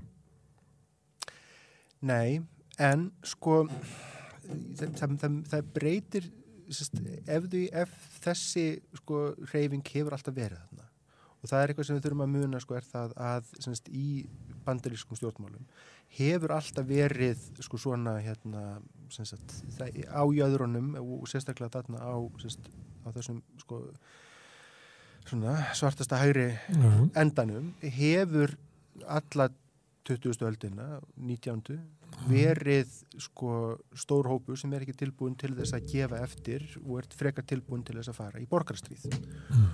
og við sáum þetta á tíunda áratöknum í Oklahoma Meina, þetta hefur við sáum þetta, sem, þetta er bara, það, það er þetta sko viðvarandi borgarstríð sem er sko kræmar undir mm. og það hverfur ekkert augljóslega, það fer ekkert og það verða alltaf þessir kjósundur og þetta fólk. Spurningin er svolítið sko svo, er, er, sagt, sko, er, hérna, er vindurinn að blása í þess átt eða ekki? Og meðan að vindurinn er að blása í þess átt, að þá bæði sko fá, fá, fær þessi sko svona órólegi jáðar meira aðtekli fjölumila mm. hann, hún er með gefið meira vægi það er, hún er með gefið gert herra undir höfði Svipað að gera því að Európa, við má vísa til þess Já, að hérna sé það megin það er sem nú kannski full ástæðs að hlusta á, á hérna Tímabili hafði danski þjóðaflokkurinn miklu meiri völd í, og árif á dans samfélag heldur en að maður aðgæðamagnisinu Þannig að það og, og, og síðan sko hérna að meðan að En vindurinn er að breytast, þú segja það þannig að þessi hópu kannski mun ekki hafa sömu árif á næstunni eins og það hafa haft já. hann, Ég skulle segja þetta svona sko hann gæti verið að breytast sko mm. niðurstaðarkostningana var eiginlega svo að maður bjóst við því að það vind semst, að Að sagan stemdi í þessa átt og það mm. væri ennþá mjög langt í það að hún myndi snúa við. Ég syns, hef hins vegar mikla trú á því hún gerir því að bandir, sko, bandir, sagabandaríkjana sínur okkur að bandaríkinn geta tekið mjög sko, drastískar hérna, breytingar og það syns, að hérna, bóið sögunar að hann sveigist ekkit sko, hann sveigist til átt að réttlæti í bandaríkjunum þótt að það gerist hægt og þótt að það snúi syns, það séu bakslög og, og þar hundur gottunum mm. en hann, syns að það syns að sko bandrikinn hafa náð sér út úr verri öngstrætum. Þannig Magnús, ég, fyrir trú á því að þetta maður, annar Magnús sem sittur hér heldur fyrir nokkru vikum þegar var rega svarsitt fyrir það sko, já, það það er Þú hefur ekki sagt þessa setningu að sagan væri hægt og bítandi sko, áttinu auknu réttlandi. Ekki þá svarti Magnús sem var hérna. Ég hef nú sagt það oft sko. En ég, syns að en þetta er in the long run. Mm. og eins og Keynes sagði in the long run we're all dead. Mm. og það er kannski punkturinn sá að ég bjóst ekki ég, sest, og, sest, ég bjóst við því að það myndi taka lengri tíma. Og ég er að segja núna að ég býst ekki við því að þetta sé semst að nú hafi sko, það sé búið það sé bara nýrkabli og nú sé bara smjör og hérna hunang og, og, og hvað og öllum frá alls ekki. Það sem ég er að segja er það að sko semst, semst, það sem leit út fyrir að vera sko, semst, það, það, það er, ég hugsa að það sé þetta er ekki eins sko eitthvað veitur það, er ekki eins svart. Það stittist hugsanlega í það -huh. og það er hérna þessar kostningar sem sko leit allt, allt leit út fyrir að yrði semst, rauð bylgja og leit allt -huh. út fyrir að semst, sko, eftirleiku kostningarna yrði erfiður og semst, alvarlegur og það þyrti eitthvað annað og meir og róttakara að koma. Kostningar bara á Trump myndi fá glimrandi byrjum Alveg og þetta er og við erum bara næstu tvö ári yrði bara sko kostningar bara átt að hans það sem hann verið að sko, það yrði haldið áfram að, að hamra á sko, senstu kostningar hefur þeim eru stólið og það, það lifir ekkert sko líðræðisríkið mjög lengi af við sko slíka eilífas umræðu um það að allt sé rótið, allt sé spilt, allt sé að fara til helvítis og allt, sest, það, það lifir ekki líðræðisríkið lengi þannig. En sest, sko það að niðurstafakostningarna hafi orðið þessi, þessi tvö atrið sem það upphafi að koma óvart, að það þýðir að næstu tvö ár verða ekki alveg eins slæm. Mm. og þá hafa demokrater eitthvað til þess að byggja á. Og eins og ég segi sko það sem gerist í kostningunum þetta að að hérna, sko ástæðin fyrir demokratin gengur eins og vel og þeim gengur að sagt, það er ungar konu koma á kjörsta og það er út af Rói, það hjálpar til, það er það að sko rótækustu trömpistarnir að fólk sagt, kærði sér ekki um þá. Þannig að sagt, nationally að þá eru hérna, independent sem er ekki skráður í einn eitt flokk og þeir kursu demokrata mm. frekar en, en republikana, það sem er mjög óvenjulegt að óflokksbundir kjósi sit, flokk sittandi fórsetta og það er vegna þess að þið mislíkaði sko rótæknin á hægri vagnum og svo sagt, sko, þetta að hérna, stefnumálun eru sko, fjögurbróstum nationally. Og í þeim fylgjum þar sem sko, voru rótækustu hægri mennir þá er í Pennsylvania hvar 18% sagt, hérna sko, líklega til þess að kjósa demokrata mm. í hérna, Nevada 30% líklega til þessi kjósademokrata. Þannig að þar sem kostningarnar 2020 voru á kjörseilunum í ár, það sem voru frambjöndu sem vildu snúa við seinustu kostningum, þar töpuðu þeir og demokraterinu. Þannig að þetta segir að það eru sko það er ekki allur vindur úr hérna mm. líðræðinu. Og þetta voru merkilega kostningar og það var sagt hérna fyrir kostningarnar að þetta getur verið kostningar sem væru um, um framtíð líðræðis í bandaríkjónum og það, Í- þú ert að það- tólka þannig að svo hafi verið og það hafi verið frekar tildulega jákvæðnið það, það, er, það er það sem ég er að segja sko. en meina, ég, sérst, með því er ég ekki að segja að líðræðinu sé alls því að það sérst, sko, hérna, er eins og sérst, þetta er brandarinn sko, að, að okkar frambjöðundur fengu sko, 0,5% betri niðurstuð en hinn og þar með bara en það, er, það, það hefur svolítið verið tilneikin náttúrulega sko, bæði hjá vinstri og hægri vagn Mm, Þetta er spenntur að heyra frá Trump í nótt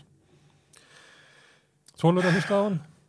Ég minna maður sko, ég veit ekki hvað ég, sko, ég held að, að það að hann bjóði sér fram sé sennilega sko, sennilega jákvætt fyrir demokrata því að semst, hann er það mikið sko hérna, hérna millusteinn um háls republikanflokksins Já. að demokrater skræða því. Og ég held að sko, þess að ég segja að, Hann grefur undan með frambjóðu sínum í, í í alveg. Og semst að ef Biden ætlar að eiga semst, eitthvað, semst að hann mun lík, segur líkur Biden 2024 snaraukast. Á, ef, ef að Trump verður valinn.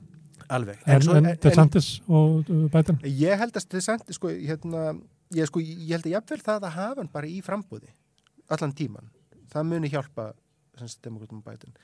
Ef hann verður sem, sem sko frambjöðundir republikana sem er alveg eins líklegt að þá sko, mun það gulltryggja held ég Biden Mm. sigur miða við niðurstöðu þessara kostninga en svo er margt sem getur gerst næstu tveimur árum. Eins og til dæmi sko verðbólgan í bandaríkjunum er að draga saman, það er lítið atvinnleysi en hagfræðingar spá því að það sé stór krepp á næsta leiti, það Mm. geti þá allt farið Já, ég ætla ekki að pína þetta að spá svo langt. Nei, en, Ég að ég hérna segja, sko, ég held að, að Professori Hagfræði áðan sem að sagðist ekki geta spáð neitt um efnaði nema það veri frekar líklegra en ekki að það væri mikill efnaðsamdráttu framöld já, þannig að það, og sko, banka, mið, en, banka en, en það segja maður sko núna, sko, menn, að aftur kjör, kjósendur höfðu miklar ágjur efnars ástandinu, en samt náðu demokrater að halda, sem að vanalega gerist ekki sem vanlega gerist ekki. Þannig að það er sem ég sagði, sko, hérna í byrjuninu er þetta, það er, og það er það sem gerir bandarskutum og spennandi er það að niðurstæðan er oft, hún kefur manni á óvart. Ég semst, sko, er sannfærður um það til lengri tíma litið og það er náttúrulega, sko, ef við gefum okkur það að það fari ekki bara allt til helvítis einhvern veginn, sko, hérna, semst, á nattræna vísu, sko, ef hérna, verður ekki einhver climate katastrófa og þar fram til göttunum, að þá komist bandaríkinn á endanum út úr þessu og það menn nái einhvers konar að, hérna, samfélagi nái einhvers konar sátt aftur í kringum eitthvað, það, getur, það þarf eitthvað drastist til þess, það er langt undar en það ég held að allavega þá er hérna, næstu tvö ára ekki eins slæm í bandaríkinn stjórnmálum að bjóst við. Mm. En hérna Trump mun öruglega sjá til þess að þau verða spennandi sko. Herðu, Magnús, takk fyrir að koma hérna og fara yfir kostningarnar alltaf fróðlegt. Eh, það er ekki alltaf farið til helvitis í bandaríkjónum en það er alltaf farið til helvitis í Rúslandi og við ætlum að fjalla um það eftir öllumleik Það er Rúsland og þar er ekkert að skána. Uh, eldflög frá rúsneska hestum fórun í Póland í dag og mér draf þar allavega tvær mennskjur og við ætlum svona aðeins að reyna átt okkur á á Rúslandi og erum hérna með fólk sem er að koma sér fyrir í settinu. Það eru góðkunningja þáttarins, Viktoria Baksína, sem er frá Rúslandi og Valur Gunnarsson sem hefur verið í Rúslandi og var núna í vor og sumar í Úkræna. Hvað hérna, ég veit eiginlega ekki hvað, þetta er ekki gott Rúsland. Alls ekki. Ég meina sko það eru engar uh, fréttir sem koma austan megin sem eru góðar síðustu þú veist 265 daga Nei, en þetta er leiklega allt svo versta já. sem hefur einhver tíma barist til okkar. Þetta getur verið bara algjör kaplaskil í þessu stríðinu sem þýðir að þú veist við höfum ekki fengið ennþá staðfestingu. Þetta væru greinilega bara uh, rúsneskar eldflögar uh, sem voru sendar með ákveðnum tilgangi. Sko það er bara spáð að þetta væru eldflöga þú veist sem beinuðust að uh, Úkrænu en voru skotnar niður líklegast af uh, úkrænskum herr og lendu nálægt Lublin í Pólandi en uh, Póland er eins og við vitum bara ádildaríki NATO Mm. og uh, það helsta í NATO er uh, greinir á málskrein nummer 5 sem uh, segir að þú veist árás á eitt bandalagsríki jafngildi árás á öll bandalagsríki um, sem bara felur ekkert sérstaklega gott í sér sem sagt ef við höfum ef við fengum staðfeistingu um að elflögur voru sendar þar uh, með ákveðnum tilgangi þá uh, getur NATO þá líka beitt þú veist, sprengjum eða valdi og þá tölum við ekki lengur um innrási Úkrænu og stríði Úkrænu heldur um styrjöld. Mm. Og þú telur það líklegt? Uh, ég veit það ekki, þú veist, mín helsta ósk er að þessu líni sem fyrst mm. en um, Það er bara óskum eins og ekki þannig, það er mikill þrýstingur á öll bandalagsríki þú veist að bregðast við þessu sem fyrst á ákveðin hátt og við, þú veist, almenningur við vitum ekki hvað fælst bara í þessu í Mm. þessum aðgerðum og verkum sem koma Nei, en það er alltaf þetta upp sviðismyndir sko. Ég held að sé nokkuð ljóst hvað hafi gerst. Rússar voru að skjóta út um allt um, eins og þið gera gegna þeirri tap á viðvillinum og þeirra undanfarin rúman mánu það hefur skjóta Lviv sem er vestast sem eigur þetta hættuna því að það lendi á Pólandi eða NATO-ríki og þeirra var ekki mikið að skjóta Lviv nema undanfarin mánu þannig að eitthvað svona var alltaf sjálfsög líklegt að gerast. Þetta er örglega rústin sprengja sem að örgulega lendi í Pólandi og örgulega óvart. Mm.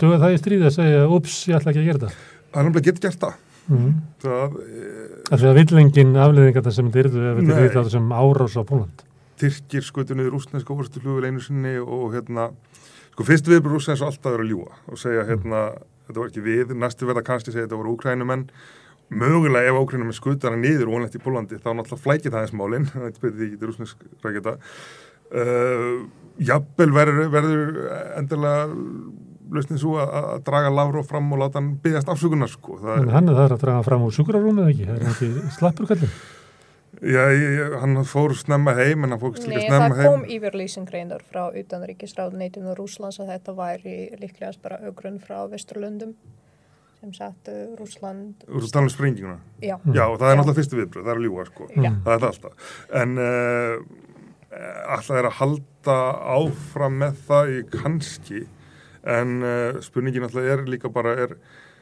er vilji NATO til þess að tólka þetta sem árás á öll ríki og þá vilji hjá öllum aðaldaríkjum NATO? Er það jafnvel, sko, pólverjar eru bara fundum með þetta núna. Mm. en er það einu svona krafa frá pólverjum að líta svo á að þetta sé árás á Það er nóg að þeir skilgrinnið að svo sé, eða ekki, er það ekki hinn naturíkin skuldbundin, það er ekkert fundur í Tyrklandi til þess að ákveða uh, hvort að pólveri lítið svo á að það er ráðust á landi. Jú, það, Ah. já, það er ekki bara sko hægt, ég meina við gáttum ekki sagt í land, landinstélinu eða eitthvað sko, þetta var, eða veist, naturíkin verða að samþykja að svo sé og, uh, og það er bara einu sem verið gert, það var eftir ára svona 11. september Þannig að þannig að já, þetta er ekki bara í höndum, höndum pólverja og ekki endilega víst hvað, þeir eru náttúrulega mun örgulega fordæma þetta harkalega og NATO mun fordæma þetta harkalega þetta mun uh, næstu örgulega leiða til meiri opninsendinga og stigmögnuna þannig en það að þeir ákveði að lýsa rúsum stríð á hendur raunverulega eftir þetta ég held að það veri halda ósynanlegt Mm. En þú óttast það, Viktoria? já, þú veist, ég, ég er Það er út af það að það er ekki komin eina góða frétti svo lengi og þú upplifir að þetta sé bara vestn og vestn og vestn. Já, já, greinlega það, þú veist, og það sem fólk er að segja mér, þú veist, ég á pólska vinni hér og ein vinkona var stöðlega að segja mér að pólverjar séu reyndar að undirbúa sig fyrir svona beitingu kjarnokvopna af halva Rússlands svolítið lengi. Þannig að, að þetta var í hugum þeirra og það því að veist, Pó, þótt uh, Póland uh, tók ekki beinlunis þátt í stríðinu þá var uh, þessi ótti alltaf að veist, e eitthvað beindist kannski að landamærum Pólans. Já, Mm.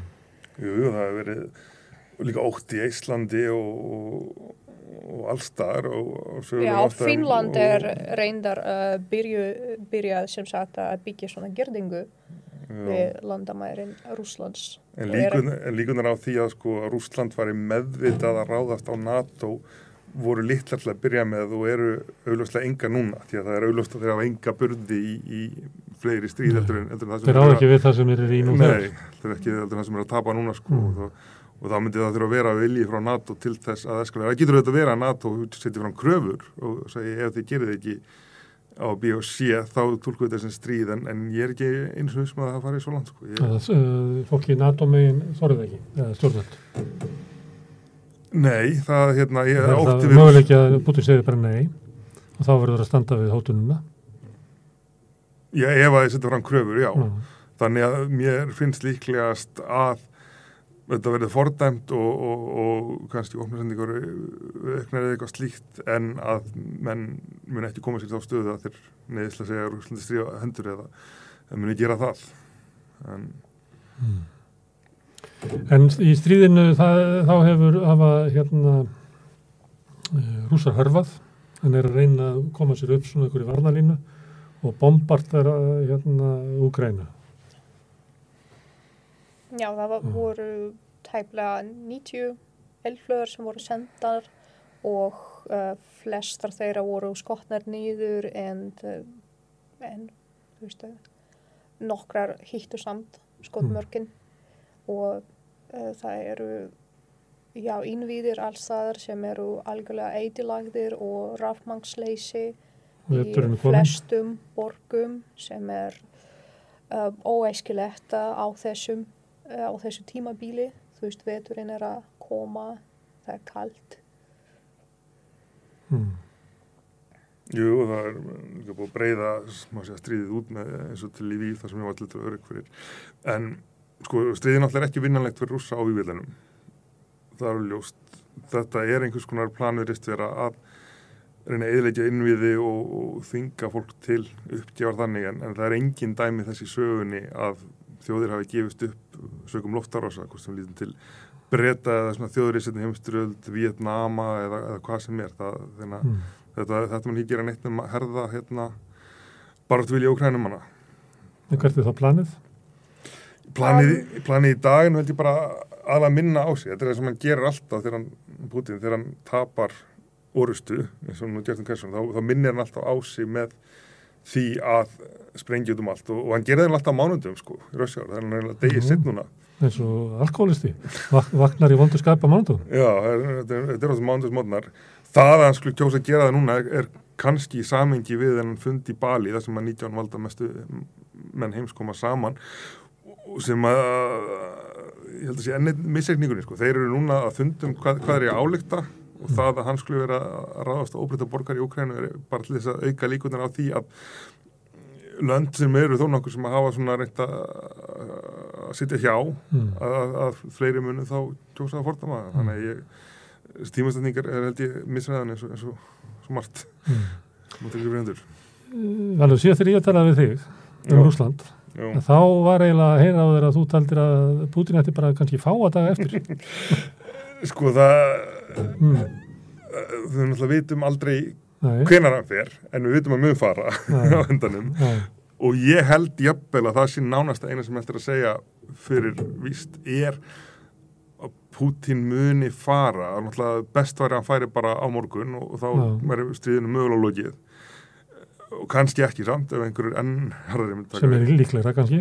Mögulega, ég, Mhm. kannski getur Viktor sagt meira um það en hérna en ef hann semur einhvern gríðarlega óhagstaðan frið sem er einu, einu friðarsamningarna sem hann getur náð fram þá er held ég mjög hæpið að hann getur sittið mjög lengi eftir það og uh, þá getur maður líka bara til dæmis lítið sem til Khrushchev sem að lúfaði í hérna kúpudelinni og var settur af tömur árum setna mm.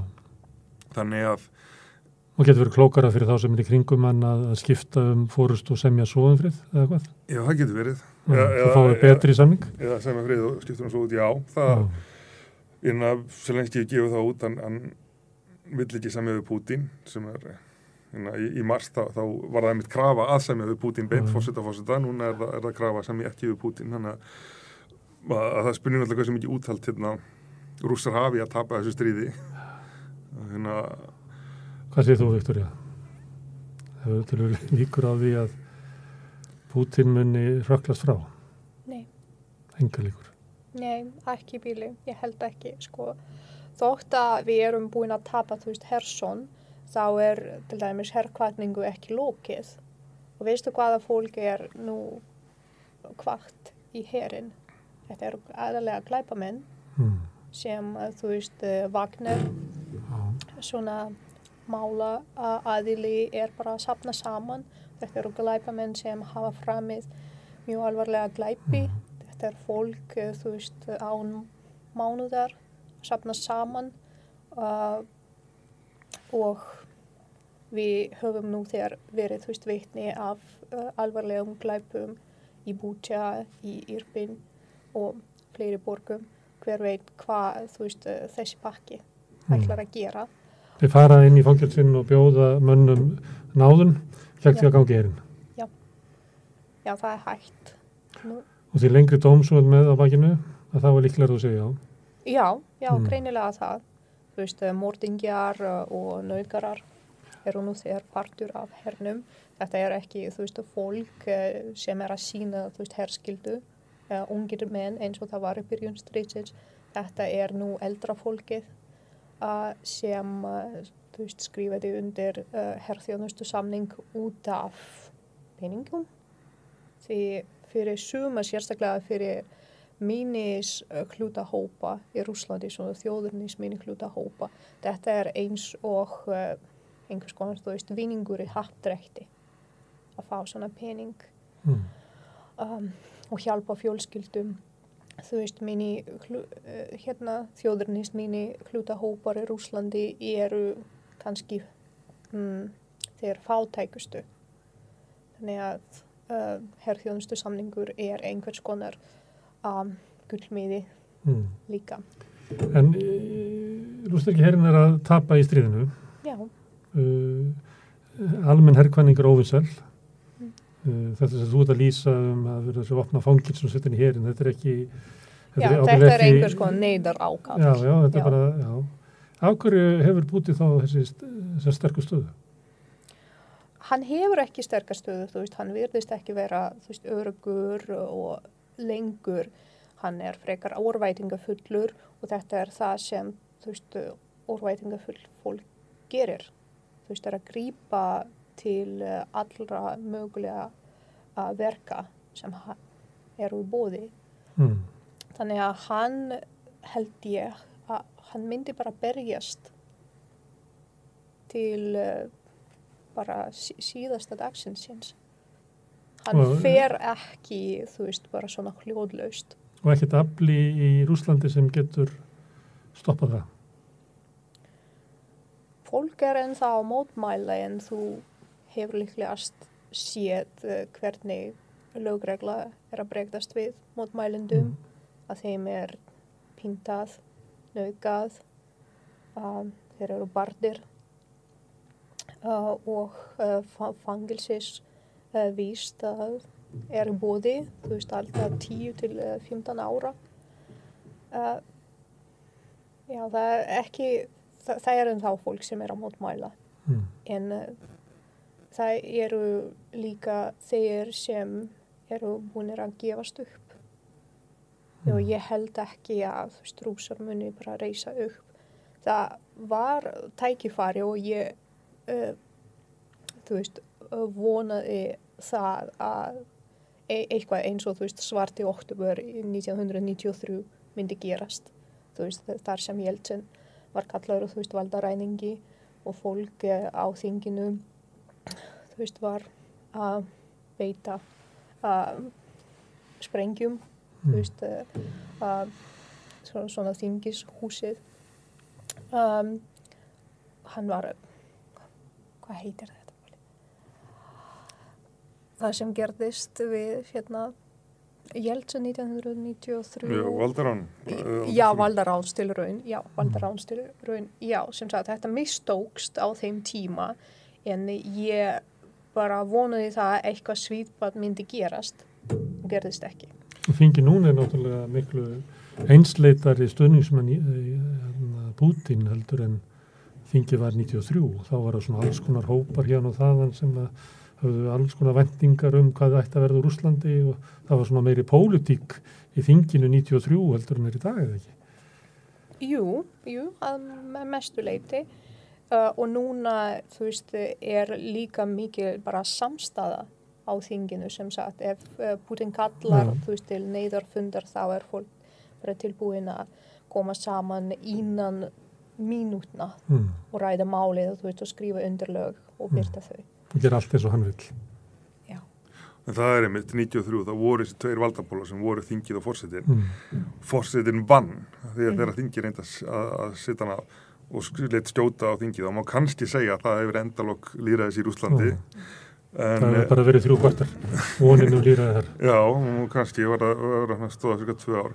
Uh, uh, en það er engin lögformleg stopnun í dag sem að getur sett Putin af, ólítildamis í Úkrænu 2014 þegar þingi setti fórsetan af þegar hann var komin umstandi. Þannig að það er útlöka, það er eina bylting af götunni, það er náttúrulega myndi verða óbúslega blóðut og er ansi ósennilegt en, að sá möguleikjan eru stift innan frá einhvers staðar eru þetta alltaf fyrir hendi og, hérna hann er, er ótrúlega hann hafi svona sterkt tök en ég þegar maður hugsa jafnvel um Saddam Hussein sem þú veist að tapa hverju stríðin á fættur öðru en samt haldur valda tímana en, en síðan er líka náttúrulega spurningin hvernig þetta þróast á vývillinum það núna eru úkrænumenn komnir að nýpur á í söðri Mm. Og maður myndi ætla að það væri erfið að sækja yfir og, og halda svona rætt áfram þessu erum búin að gera í haust en það er eitt möguleikin og það er einhverju fregnir um það að þeir séu þegar komin í yfir einhvern sveitir og ef þeir ná að, að fara það í gegn og niður til Asóhafs þá eru búin að skera á Krímskaga Mm. og þá er, er Krímskaga er ekki lengur að þetta sjóna fyrir vistum og þá með Brú, brúin er fallin.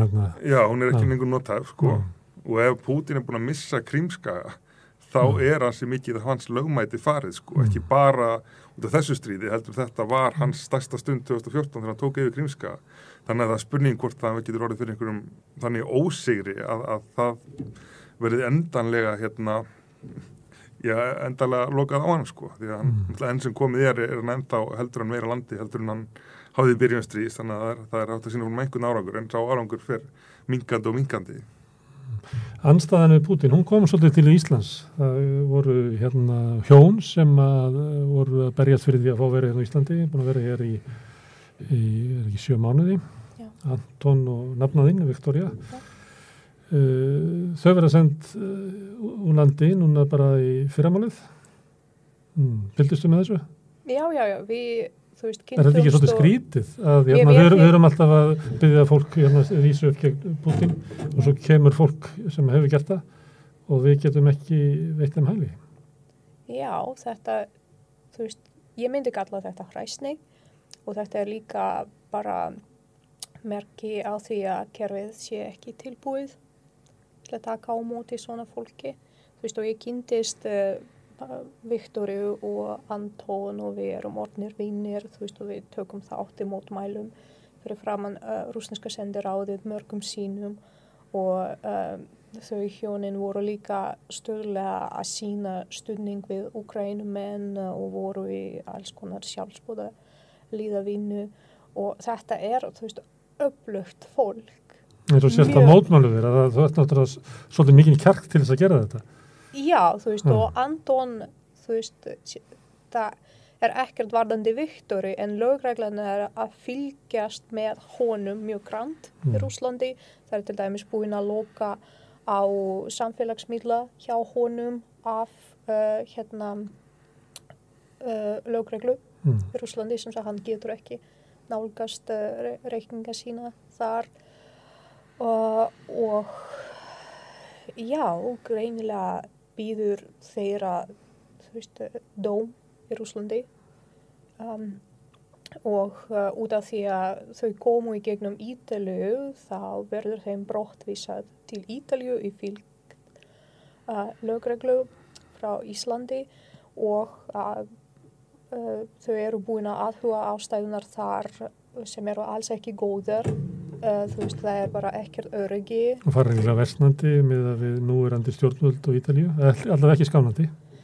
Já, uh, þetta er einmitt þannig og uh, þau hjónin bara gerðu allt þú veist, til að sína tengsl við Ísland sem eru þar, þú veist, þetta er fólk sem hefur komið hingað margsinnis að því Anton og Viktor voru að reyka svona ferðarþjónustu fyrirtækið og uh, komu með alls konar ferðamönnum hingað og þau bæði þekkja sögu og náttúru Íslands mjög vel. Og mér finnst uh, ótrúlega uh, ofagmannlegt að þú veist útleggingastofnun og svo kærunöf sem síndi áfríun um, þeirra tók alls ekki til í til uh, margra ástæðina mm. með annars þú veist meðmæla frá um, Íslendingum að uh, atvinnu uh, bóts og þú veist uh, útlengar sem var ekki búin að taka til í til viðtækrar reynslu þessa fólks mm. sem myndi þú veist alls ekki vera einhvers konar þú veist fjárhalslega byrdi hér á landinu, mm. þetta er fólk sem uh, er búinn reyndar að fá atvinnubót og myndi gjarnan vinna hér þú veist og leggja, leggja sig af mörgum til samfélagsins. Mm. Með reynsli ferðarþjónustu sem er verðt vaksandi atvinnugrein hér. Já, bara... Frábær grein sem Anton skrifar í kjarnan og við segjum henni frá henni á samstöðinni. Já. Frábær grein, hvernig er hann að skrifa um þetta? Þetta er bara algjörlega fárhaldmál. Já, ég, ég er endur að hafa millingungu um, um það hérna, þetta er náttúrulega ómannurskilegt og, og ólíðandi mm. og líka óskinsanlegt af því á endanum þegar Pútinstjórnin fellur hvena sem það verður, þá er það einmitt fólk eins og þetta sem að þarf að taka við og, og þess vegna er mitt best að hlúa að þeim og, og þannig að það þegar þau fara síðan aftur til Úslands eins og hundruð þúsunda aðrir muni gera á endanum að þau komið þá með nýjar hugmyndir og, og, og nýjum viðmiða því að það þarf að Já. byggja Úsland upp á nýtt á endanum. Mm. Já, þetta sýnir líka að þú veist, allir rúsar sem eru hér á Íslandi, þú veist, jafnvel að við erum hér löglega, sem sem svo að ég aldrei uppfylli ekki kröfur dvaraleifismins og mm. það er, þú veist, eina lausna að fara heim til Rúslands en út af því að ég tala við þig núna mm. um þetta mál það má ég ekki því ég veit að þú veist minn býður líka, líka liklegast, þú veist, fangilsi mm. í Rúslandi þannig að við erum að sjá af íslenska kerfið er alls ekki tilbúið að bregðast við fólki í mjög viðkvæmri stöðu þú veist, hælisleitendum og meðal annars, þú veist, hælisleitendum frá Rúslandi mm. Já, herður, hvernig fólk til þess að lesa greininans Antons og Kjarnalum, það er sagt frá henni á samstöðinni. En hérna við talaðum svolítið annað vegna þess að, að eins og ég sagði áðan að þá var valur út í Úgrænu í, í sumar og, og vor. Og þú er líklega verið að skrifa þessa bók, hvað ef? Já, ég var að gekk frá henni í Kíf, ég var satt í að færaðast um og skrifa greinar fyrir miðla í, í bæði júli og mm. september, það tók smá hlið í kífin á milli þar sem ég var að ganga frá þessari bók en hún hafði nú verið skrifuð áður mm. og, og þetta er svona þín, þín sérfræði sem sagfræðins að skrifa um söguna sem ekki varð, það er sagan er ekki nógu stór fyrir því þannig að þú býrði alltaf til nýja sögu hvað heitir þetta, svona ef-saga? Já, ég um svona kallar valsögu. Valsögu? Valið hvað vilt en þetta fylgir mjög ákveðnum reglum sko. Hérna, þetta sem heitir Alternative History og ennsku sem er þá vilja bókmyndagrein eða Counterfactual sem er uh, sagfræðigrein mm. Og hérna ef ég má lesa framann á bókinni þá er velta spurningum að hvað ef Róm hefði ekki fallið? Jú. hvað ef Hitler hefði unnið? Hvað ef bítlanir hefði aldrei verið til? Eða Lenin hefði lifað lengur ekki trunorðu á Íslandi og fleiri sagfræðing já, fleiri sagfræðilega vangaldur hver er tilgangur um þessu? að taka eitthvað svona eina breytu og sjá fyrir sér hvernig sagan hefur þróst Já, ég meina það er tilgangur, þetta er líka bara gaman að velta þessu fyrir sér og þau bara búin að lesa yfir sem setni heimstölduna eða eitthvað, þá lítum alltaf velta fyrir sér hva, hvað það er farið öruvísi, Já. en þetta er samt ákveðin grein sem að fylgir ákveðinu lögmálum sem að er Já grunin óreðukenningin sem er ekki svo óreðukend til þess nýstum orsök afleðingar og oft hvernig eitthvað mjög lítil breyta uh, eitthvað mjög lítil orsök getur haft risavaksnar afleðingar setna en ef við breytum henni þá eru kannski eitthvað allt öruðs og síðan erum við að reykja svona þráðinn og ég held að þetta sé svolítið innifall Hvað segir þetta okkur? Segjum að að að Hitler hefði dáið í esku Uh, og þú teknar upp hvernig sagan hefði þróast. Hver er lærdómurinn þá? Að, að Hitler skipta öllu máli? í lærdóminn er líka að stríð er ekki óhjákvæmileg. Það er hægt að koma í veg fyrir þau á einhverjum tímapunkti. Af Því að ef að setni heimstöldum var ó- óhjákvæmileg þá er jú Hitler í fyrsta lagi saklaus af því að við gátum ekkert annað gert sko. En, en allt, og ekki síður fyrir heimstöldina, allt er ekki óhjákvæmilegt. Þannig að þetta er anstaða við svona þá hugmyndum að allt svona líði áfram einhverjum draum, nei, strau, straumi, Já. það myndir hún einhver breyta, ef það hefði ekki verið Hitler, það bara verið einhver annar. Þannig að þetta er svona frelsi frá svona okkur svona nauðíkju. Já, hún er það og, og þessi svona vangaveltur komið fyrst fram einhver alvöru eftir fall Sovjetríkjana sem enginn sá fyrir en eftir í áttu voru óhjákvæmilegt og nú var hinn endanlegi sigur kapitalismins óhjákvæmilegur og, og hérna og sögunir um að lokið að því að allt var svo óhjákvæmilegt. En uh, ef þú trúir ekki á hérna á orsök og afleiðingu og, og, og tilvílunum einstaklega breytur þá lítur eiginlega að trúa einhvern guðlega forsjón eða eitthvað, sagan sé bara fyrirfram skrifuð og hérna allt í Allt í fyrir genunum. Já, Kári, uh, Kári Stefánsson.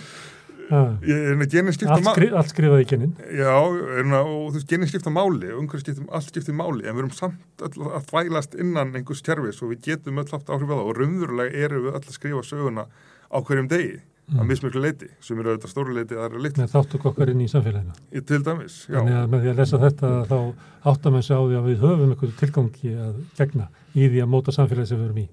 já, hvað sem okkur líka betur eða verð, þá tökum Já. við þátt í að móta samfélagið og gerum við það líka með því að gera ekki neitt eða með því að gera eitthvað Við vorum svolítið að tala hérna um hrunið áðan í til hérna af Íslandsbankasýslunni og það kom líka íbólunasjóður og fleiri inn í það. Já. Þetta er spurningin, ef ekkert hrun hefur á Íslandi, hvað, hvernig var Ísland þá? Það væri... Já, það er sko, ég held að það sé tilturlega auðvelt að ímynda sér hvernig Ísland hefði orðið ef ekki hefði orðið hrun Já. að verið skorra. Já. Eh, Það sem ég frekar að gera í þessum kapla hrunnið er að skoða hvenar það varð óhjákvæmilegt. En Já, að þegar að líma... hvenær byrjar hrunið á Íslandi? Uh, þegar við erum komin á svona point of no return, að við keirum á vekkin, það er of sent að bremsa. Já, ég er að minna það, þegar Líman bróðis fellur, þá er auðvitað hrun óhjákvæmilegt á Íslandi. En hérna, en það var mínikrísan 2006. Þar hefði, já, um já, þar hefði mátt til dæmis trappa allt niður en það var engin stemning fyrir því. Nei. Í staðin var opnir æsirreikningar sem að, sem að hérna, gerur hrunin miklu verra. Já. en uh, ef að hérna já, það er, um að bregðast öðru við en það er samt komið einhvers svona hrun þannig að það er umverulega grunn uh, ástæðan liggur í enga með bankana og hvernig hún er framkvæmd. 2002-2003 já, þannig að frá 99 þannig að og við erum að tala um íbólanarsjóð núna það var náttúrulega innráðsbankan inn á íbólanarsjóðin 2004 það er líka komið svona spurningum um hvort það hefði verið hægt að bremsa eftir það. Já, það er sko hlut, hlutin á einhverjum tímpunkti verða hlutinu óhjákvæmilegir en ef þú fer nú langt aftur þá hefði alltaf verið hægt að gera eitthvað öðruvísi og það er mm. áhægt að staðsetja það en þau tímum byrjar alltaf við getum gert eitthvað öðruvísi samt sko. Akkur ertu að skrifa sögu sem að hefur ekki verið er það, og nú rítvöndur einhver leiti líka Já, halvur rítvöndur og halvur sakræðingur Jú, jú, ég hef skrifað skáldsögu Já. sem heitir Örðunar fólkin sem fjallar um hvað ef að hérna, þjóðar eru hernum í Ísland þegar en brettar. En það er skáldsaga. En, ég- en já, eins og ég var raunverulega að segja áðan, þá er þetta uh, tilröðin til að útskýra orsök og afleðingu og en, alveg eins og framtíðin er óraðið núna. Ef, ef allt var í fyrirfram gefið að fara einhverjum stórum strömmum þá ættum við að geta bara teiknað upp hvernig framtíðin verður Mm. og hérna og reynda heldur með það fyrir hundra ára síðan að, að veðurfræðin var komin á það plana það var að teikna upp bara hvernig veðrið yrði hér eftir Já. en það kom í ljós að það er bara að gera því svona fimm daga saman hversu nákvæm mæltekin eru að það er bara svo mikið í að gerast í hálóftunum að það er alltaf Já. engin leið að sjá fyrir og alveg eins og framtíðin er óráðin þá var framtíðin í fortíðinni líka óráðin þannig að Finnst þið fólk oft hugsa um uh, svona framtíðina í, svona nauðhyggju að það séu minni möguleikar eitthvað neginn að, að hvert augnablik sé ekki þrungið að mörgum framtíðum og slíkt að fólk Já. sé, sé svona með of, of daufa hugmyndir um kraftin í sögunu og lífinu. Ég held það, ég held að það sé nánast óhjákvæmilegt og það er líka stundum leið bara til þess að fást við það sem hefur gerst. Því að ef þú lendi í áfalli og þjóðir hafa lendi í áfalli þá er auðveldar að hugsa það varða að vera svona heldur en það er nú getið gert allt öruvísi, það, það er erfitt. Og það er líka kannski á, ákveðin svona þægindi, ég, ég held að og kannski Íslandingar sérstaklega eru svolítið mikið forlega trúar, þú veist ekki trúar öðruleiti, þetta átt að fara svona, þetta hlaut að fara svona. En það er líka, Ok, hvað hefði gerst ní- 1972 já, að Putin hefði farið á, á jútuæfingu og verið tekið það svo sterku hálstakki að hann kapnaði. já, það náttúrulega hefði klárlega ekki verið stríði í Ukraínu í dag, það er eitthvað sem að hérna, ég raunverulega enginn vildi þetta, það var eitthvað þryggja manna klíka sem ákveða og var ekki óhjákamilegt og, og var ekki, ekki stínsanlegt um, sko Það er Tjetjenju strít samt. Já, hans, hann heila hóf það aftur, það var búið að koma því einhvern farfiða sem að Tjetsnija var ekki formlega sjálfstæð en var það að, að hérna, eh, samt raunverulega. En, en hérna einfaldast að sviðsmyndi þarna er raunverulega bara að Jeltsin tíminn hefði haldið áfram með ofsakapitalisma og, og svona klúri og veiku ríkisvaldi sem að við höfum að vera heiðarlega er svolítið það sem gerðist í Úkrænu þannig að við með það svo svona ágæti samanbyrða dæmi þar sem að, að hérna, Úkræn er Úsland ef að Putin hefði dáið, ungur. já, fram að 2014 Og er það þá þannig að til þess félagarnir þannig að bræðurnir sem voru alltaf með honum í jútó, ég mann ekki hvað heita, en eru auðu í menn í dag, já, að þeir hefðu ekki orðið að Putin. Er það í, svona í sögunni? já, Pútín sko, Pútín, Putin skapa söguna, það er ekki sagan sem skapa Putin. sko, Pútín alltaf er að aðtapna sig innan einhverja sögu og innan einhver samfélags en já, hann ákveður að gera hlutið þarna sem að er ekki nefnilega vist að einhver annar hefði gert. Pútín er ekki ráðinn til að gera það sem hann gerði.